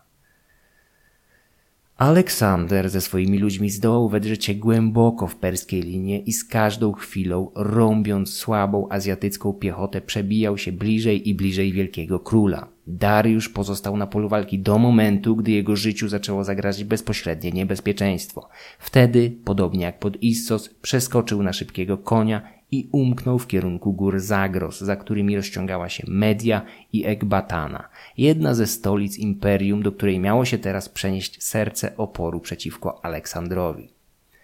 Macedończycy tymczasem ugrzęźli w masach perskiego wojska, które stopniowo zaczęło się orientować, że wielki król wycofał się. Persowie, Medowie, Sakowie, Mardowie, Indowie, Grecy i masa innych ludów wielkiej armii rzuciła się do mniej lub bardziej składnej ucieczki. W niektórych miejscach doszło wręcz do zaognienia walki, gdy kolejne kontyngenty próbowały przedrzeć się ku bezpieczeństwu z dala od strefy walki.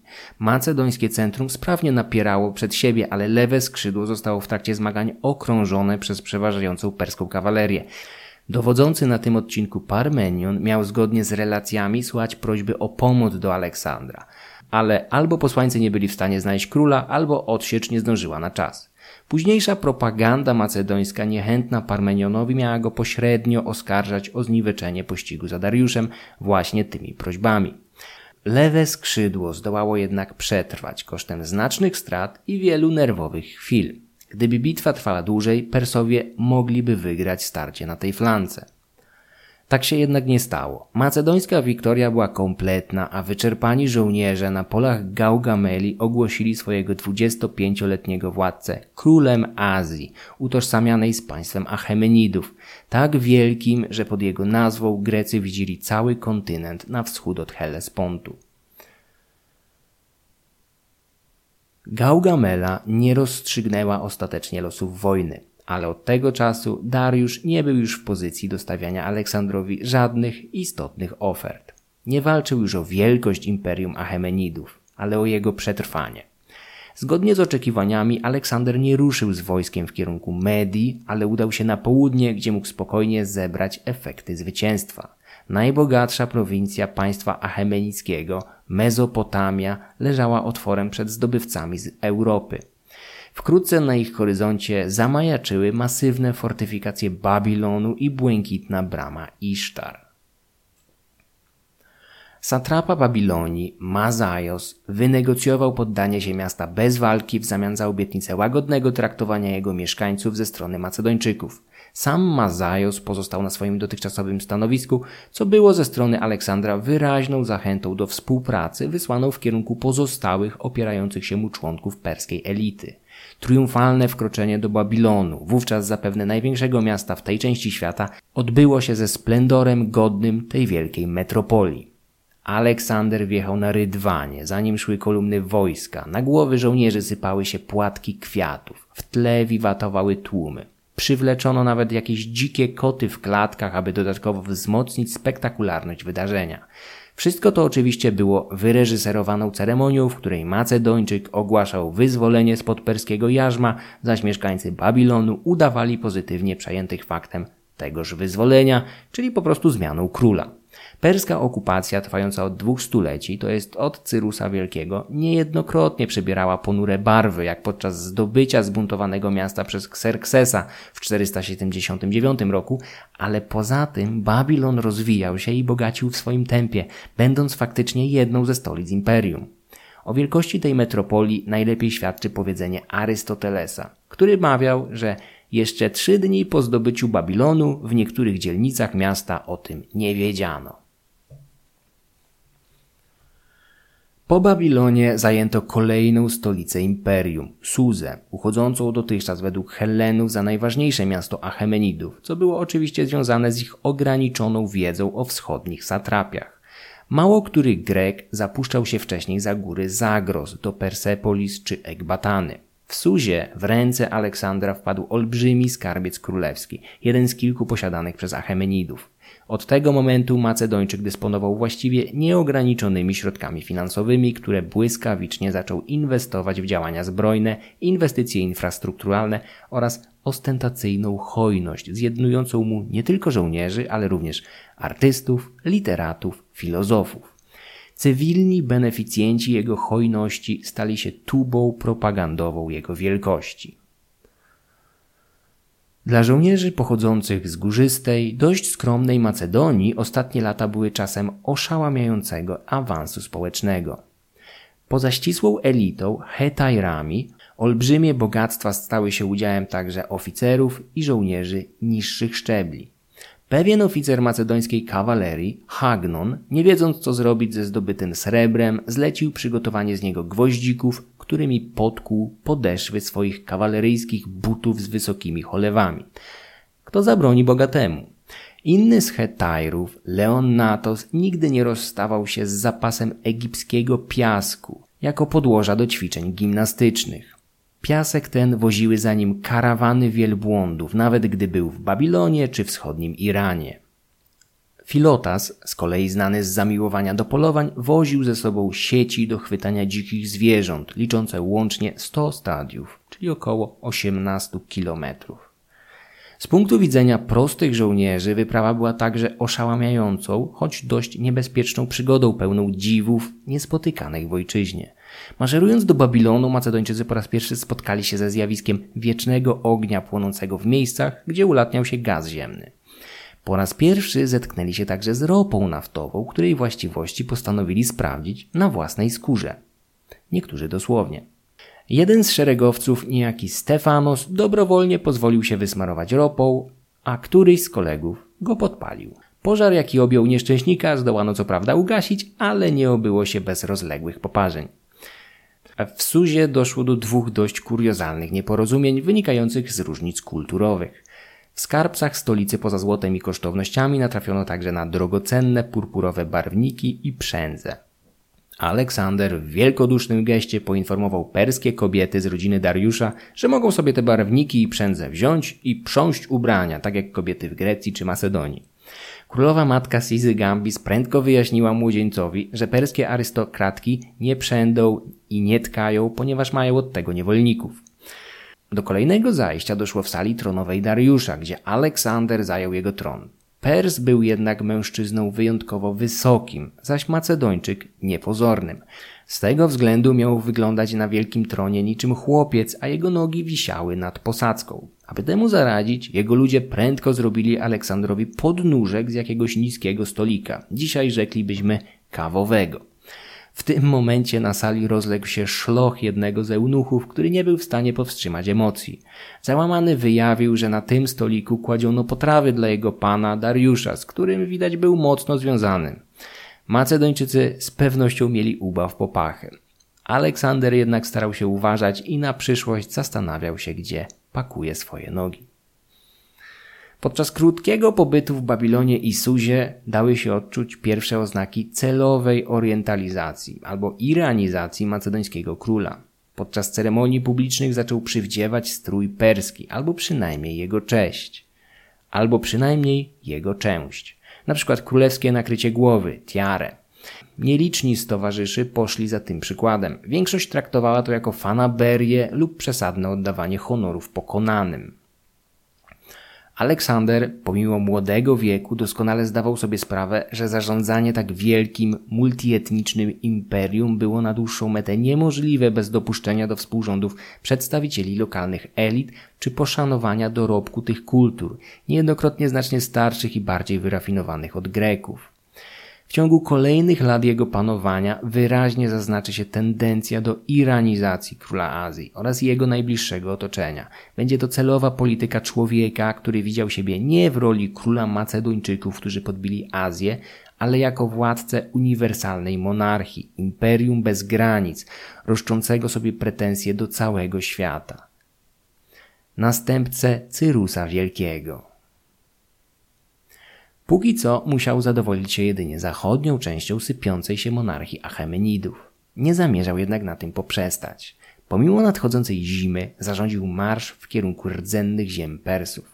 Persydy, gdzie zamierzał zająć kolejną ze stolic imperium. Persepolis, słynące ze skarbca jeszcze większego, aniżeli ten zdobyty w Suzie, w którym znaleziono podobno około 40 tysięcy talentów. Do Persydy prowadziły dwie drogi – dłuższa i łatwiejsza, wykorzystywana zimą oraz krótsza, niebezpieczna, wiodąca przez góry Zagros, z której korzystano jedynie latem. Od razu można się domyślić, którą wybrał Aleksander. Większa część armii razem z taborami ruszyła dłuższą drogą, zaś król wraz z wybranymi hetajrami, hypaspistami i członkami jednostek do zadań specjalnych, agrianami oraz łucznikami z Krety pognał przez zimowe przełęcze, aby jak najszybciej dostać się do Persepolis. Irański wódz Ario Barzanes wyczuł zamiary Macedończyka i postanowił zgotować mu drugie termopile. Droga wiodąca przez wąskie przełęcze zwężała się w pewnym miejscu zwanym wrotami perskimi tak bardzo, że stanowiła miejsce wyjątkowo łatwe do obrony. Perska piechota zabarykadowała to przejście i dzielnie odparła pierwsze macedońskie ataki. Aleksander musiał uciec się do podstępu i podobnie jak Xerxes półtora wieku wcześniej, także on zdołał przekonać jakiegoś lokalnego pasterza do poprowadzenia części swoich ludzi na perskie tyły jedną z górskich ścieżek. Wrota perskie padły na skutek ataku z dwóch stron. Krateros poprowadził natarcie od strony obozu, zaś Aleksander spadł od tyłu na zaskoczonych obrotem sytuacji Persów. Zwycięstwo odniesione końcem stycznia 330 roku było całkowite. Droga do Persepolis stała otworem. Pomocny pasterz został po zdobyciu skarbca w tym mieście nagrodzony zawrotną dla niego sumą 30 talentów. Warto podkreślić, że dziesięcioletni żołd piechura wynosił wówczas pół talenta. Po rozgromieniu Ariobarzanesa w Persydzie nie było już żadnych znaczniejszych perskich sił, ale zajęcie kolejnej stolicy imperium nie przebiegło pokojowo. Macedończycy wyczerpani morderczym marszem pokrytymi śniegiem przełęczami gór Zagros potrzebowali odreagowania. Według Plutarcha dokonano wtedy masakry jakichś perskich jeńców. Aleksander pozwolił żołnierzom splądrować część miejską Persepolis. Mieszkańcy musieli przez jakiś czas znosić morderstwa, gwałty i rabunki. Wkrótce przywrócono jednak porządek. Popuszczanie cugli wyczerpanym bądź sfrustrowanym jakimś szczególnie ciężkim etapem kampanii żołnierzom było powszechną praktyką. Im dalej na wschód posuwali się Macedończycy, tym więcej takich sytuacji miało miejsce. Centralnej Azji czy Dolinie Indusu armia Aleksandra będzie już regularnie dokonywała masowych mordów na lokalnej ludności. Okrutne potraktowanie irańskiej ludności cywilnej w Persepolis mogło być również sprowokowane przez spotkanie, do jakiego doszło tuż przed miastem. Przed bramami stolicy na spotkanie Aleksandra wyszedł liczący co najmniej 800 osób tłum greckich niewolników i jeńców wojennych. Byli wykwalifikowanymi rzemieślnikami, a każdy z nich został w jakiś sposób okaleczony, choć tak, aby nie utrudniało mu to pracy. Czyli odcięto mu ucho, nos albo stopę. Greccy niewolnicy odzyskali wolność, ale nie chcieli wracać do ojczyzny, wiedząc, że ich kalectwo nie przyniosłoby im tam żadnych honorów poza drwinami nieczułych na fizyczne upośledzenie rodaków. Wstrząśnięty Aleksander postanowił przydzielić każdemu z nich parę wołów, dużą ilość mąki, pięćdziesiąt owiec i równowartość przeciętnych dziesięcioletnich zarobków pracownika fizycznego w Helladzie, tak aby mogli pozostać w Persydzie i żyć na przyzwoitym poziomie. W Persepolis król Azji wszedł w posiadanie olbrzymiego kompleksu pałacowego razem z największym w całym imperium skarbcem, którego wartość szacowano na 120 tysięcy talentów. Dla porównania roczny przychód Aten w tamtym czasie nie przekraczał 1200 talentów. Opowiadając o wyprawie Aleksandra, najczęściej skupiamy się na aspektach militarnych, czasami także kulturowych. Najmniej uwagi poświęca się jednak ekonomii i wpływowi, jaki miało uwolnienie tak olbrzymich zasobów złota nagromadzonych w skarbcach Suzy, Babilonu i Persepolis. Aleksander był zupełnym przeciwieństwem skłonnych do tezauryzacji wielkich królów. W ciągu swoich dość krótkich rządów wydał niemal wszystko, co znalazł w ich kufrach. Pieniądze były dla niego środkiem do osiągania celów, nie zaś celem samym sobie. Po dwóch mileniach nie sposób określić dokładnie, jaki wywarło to wpływ na ekonomię całego regionu od Indusu aż po Helladę, ale spekuluje się, że efekt mógł być znacznie potężniejszy od tego, jaki odczuje Europa w efekcie wypraw konkwistadorów przywożących tony złota i srebra z obu Ameryk. Gigantyczne skarby były gromadzone przez kolejnych wielkich królów na przestrzeni ostatnich dwóch stuleci. Wiele z nich zdobył jeszcze Cyrus, Kambyzes lub Xerxes. Jakiś czas po dotarciu do Persepolis Parmeniona razem z resztą armii Aleksander postanowił opróżnić skarbiec i wywieźć złoto do zajętej nieco później Ekbatany. Wywiezienie wszystkich skarbów z Persepolis powierzono Parmenionowi, przed którym stanęło zadanie logistyczne o szczególnym rozmachu. Kosztowności wywożono na grzbietach 20 tysięcy mułów i 5 tysięcy wielbłądów. Przez dwa miesiące. Krótko potem cały kompleks pałacowy w Persepolis spłonął. Dzisiaj z dawnej świetności Persepolis pozostały głównie fundamenty i gdzieniegdzie samotne kolumny nieśmiało świadczące o dawnej wielkości. Sala audiencyjna wielkich królów mogła pomieścić nawet pięć tysięcy dworzan i petentów. Dlaczego Aleksander spalił cały kompleks pałacowy, który swoją drogą był już jego własnością? Według starożytnych do podpalenia miało dojść podczas jednej z suto zakrapianych uczt. Prowodyrką zaś miała być luksusowa kurtyzana, Thais, późniejsza kochanka Ptolemeusza. Ktoś miał rzucić pomysł, aby z pomocą płonących żagwi rozgrzać nieco atmosferę i na pochybel Persom spalić ich pałac, a upojony winem Aleksander wyraził aprobatę. Druga wersja, faworyzowana później przez macedońską propagandę, zakładała, że spalenie Persepolis miało być podyktowane chęcią zemsty za podobne zbrodnie dokonane przez Dariusza I i Xerxesa w Grecji podczas wojen perskich. Prawda wydaje się jednak leżeć gdzie indziej. Podczas wykopalisk w Persepolis, trwających niemal całą dekadę lat 30. XX wieku, odkryto grubą warstwę popiołów sięgających gdzieniegdzie nawet metra. Powstały głównie z potężnych libańskich cedrów wykorzystanych jako szkielet konstrukcji pałacowych. Spaleniu uległo kilka oddalonych od siebie budynków, które nie mogły się zająć jeden od drugiego więc podpalona żagiew, ciśnięta przypadkowo przez pijaną kurtyzanę, nie mogła spalić całego kompleksu pałacowego. Ogień podłożono jednocześnie w całym kompleksie i najwyraźniej nie starano się go ugasić. Do tego, jak zauważa Krzysztof Nawodka, podczas skrupulatnych wykopalisk w całym kompleksie znaleziono jedynie 21 monet i kilka błyskotek o znikomej wartości. A mówimy tutaj o największym skarbcu i oszałamiającym pałacu najpotężniejszego wówczas państwa na świecie. Macedończycy starannie opróżnili pałace ze wszystkiego, co miało jakąkolwiek wartość, a następnie metodycznie podkładali ogień wszędzie, gdzie było to uzasadnione. W ostatnich dekadach wysuwa się coraz częściej pogląd, że spalenie Persepolis było częścią kampanii terroru prowadzonej przez Aleksandra w zdobytej Persydzie, sercu monarchii Achemenidów. Po przybyciu do miasta król pewnie żywił jakieś nadzieje na zaakceptowanie jego osoby na tronie Dariusza przez rdzennych Persów. Udało mu się przeciągnąć na swoją stronę nieco dostojników i członków elity, ale dla zdecydowanej większości miejscowych był po prostu uzurpatorem. Persowie, w przeciwieństwie do Greków, nie byli politeistami. Zoroastryzm, dominująca religia imperium, był osadzony na głębokiej wierze w dualizm, walkę dobra reprezentowanego przez Ahura Mazdę i zła pod postacią demona Arymana. Aleksander dla wielu Persów był fałszywym królem, buntownikiem, wysłannikiem Arymana. Instytucja monarchii achemenickiej miała bardzo silną symbolikę religijną, podobnie jak będzie to miało miejsce w przypadku królów pomazańców bożych w średniowiecznej chrześcijańskiej Europie. Persowie stawiali Aleksandrowi zaciekły opór, choćby bierny. Sam król starał się poprawiać swoje notowania, podejmując symboliczne podróże, jak ta do Pasargade, gdzie oddał hołd zwłokom Cyrusa Wielkiego w jego grobowcu, który dość szczęśliwie zachował się po dziś dzień.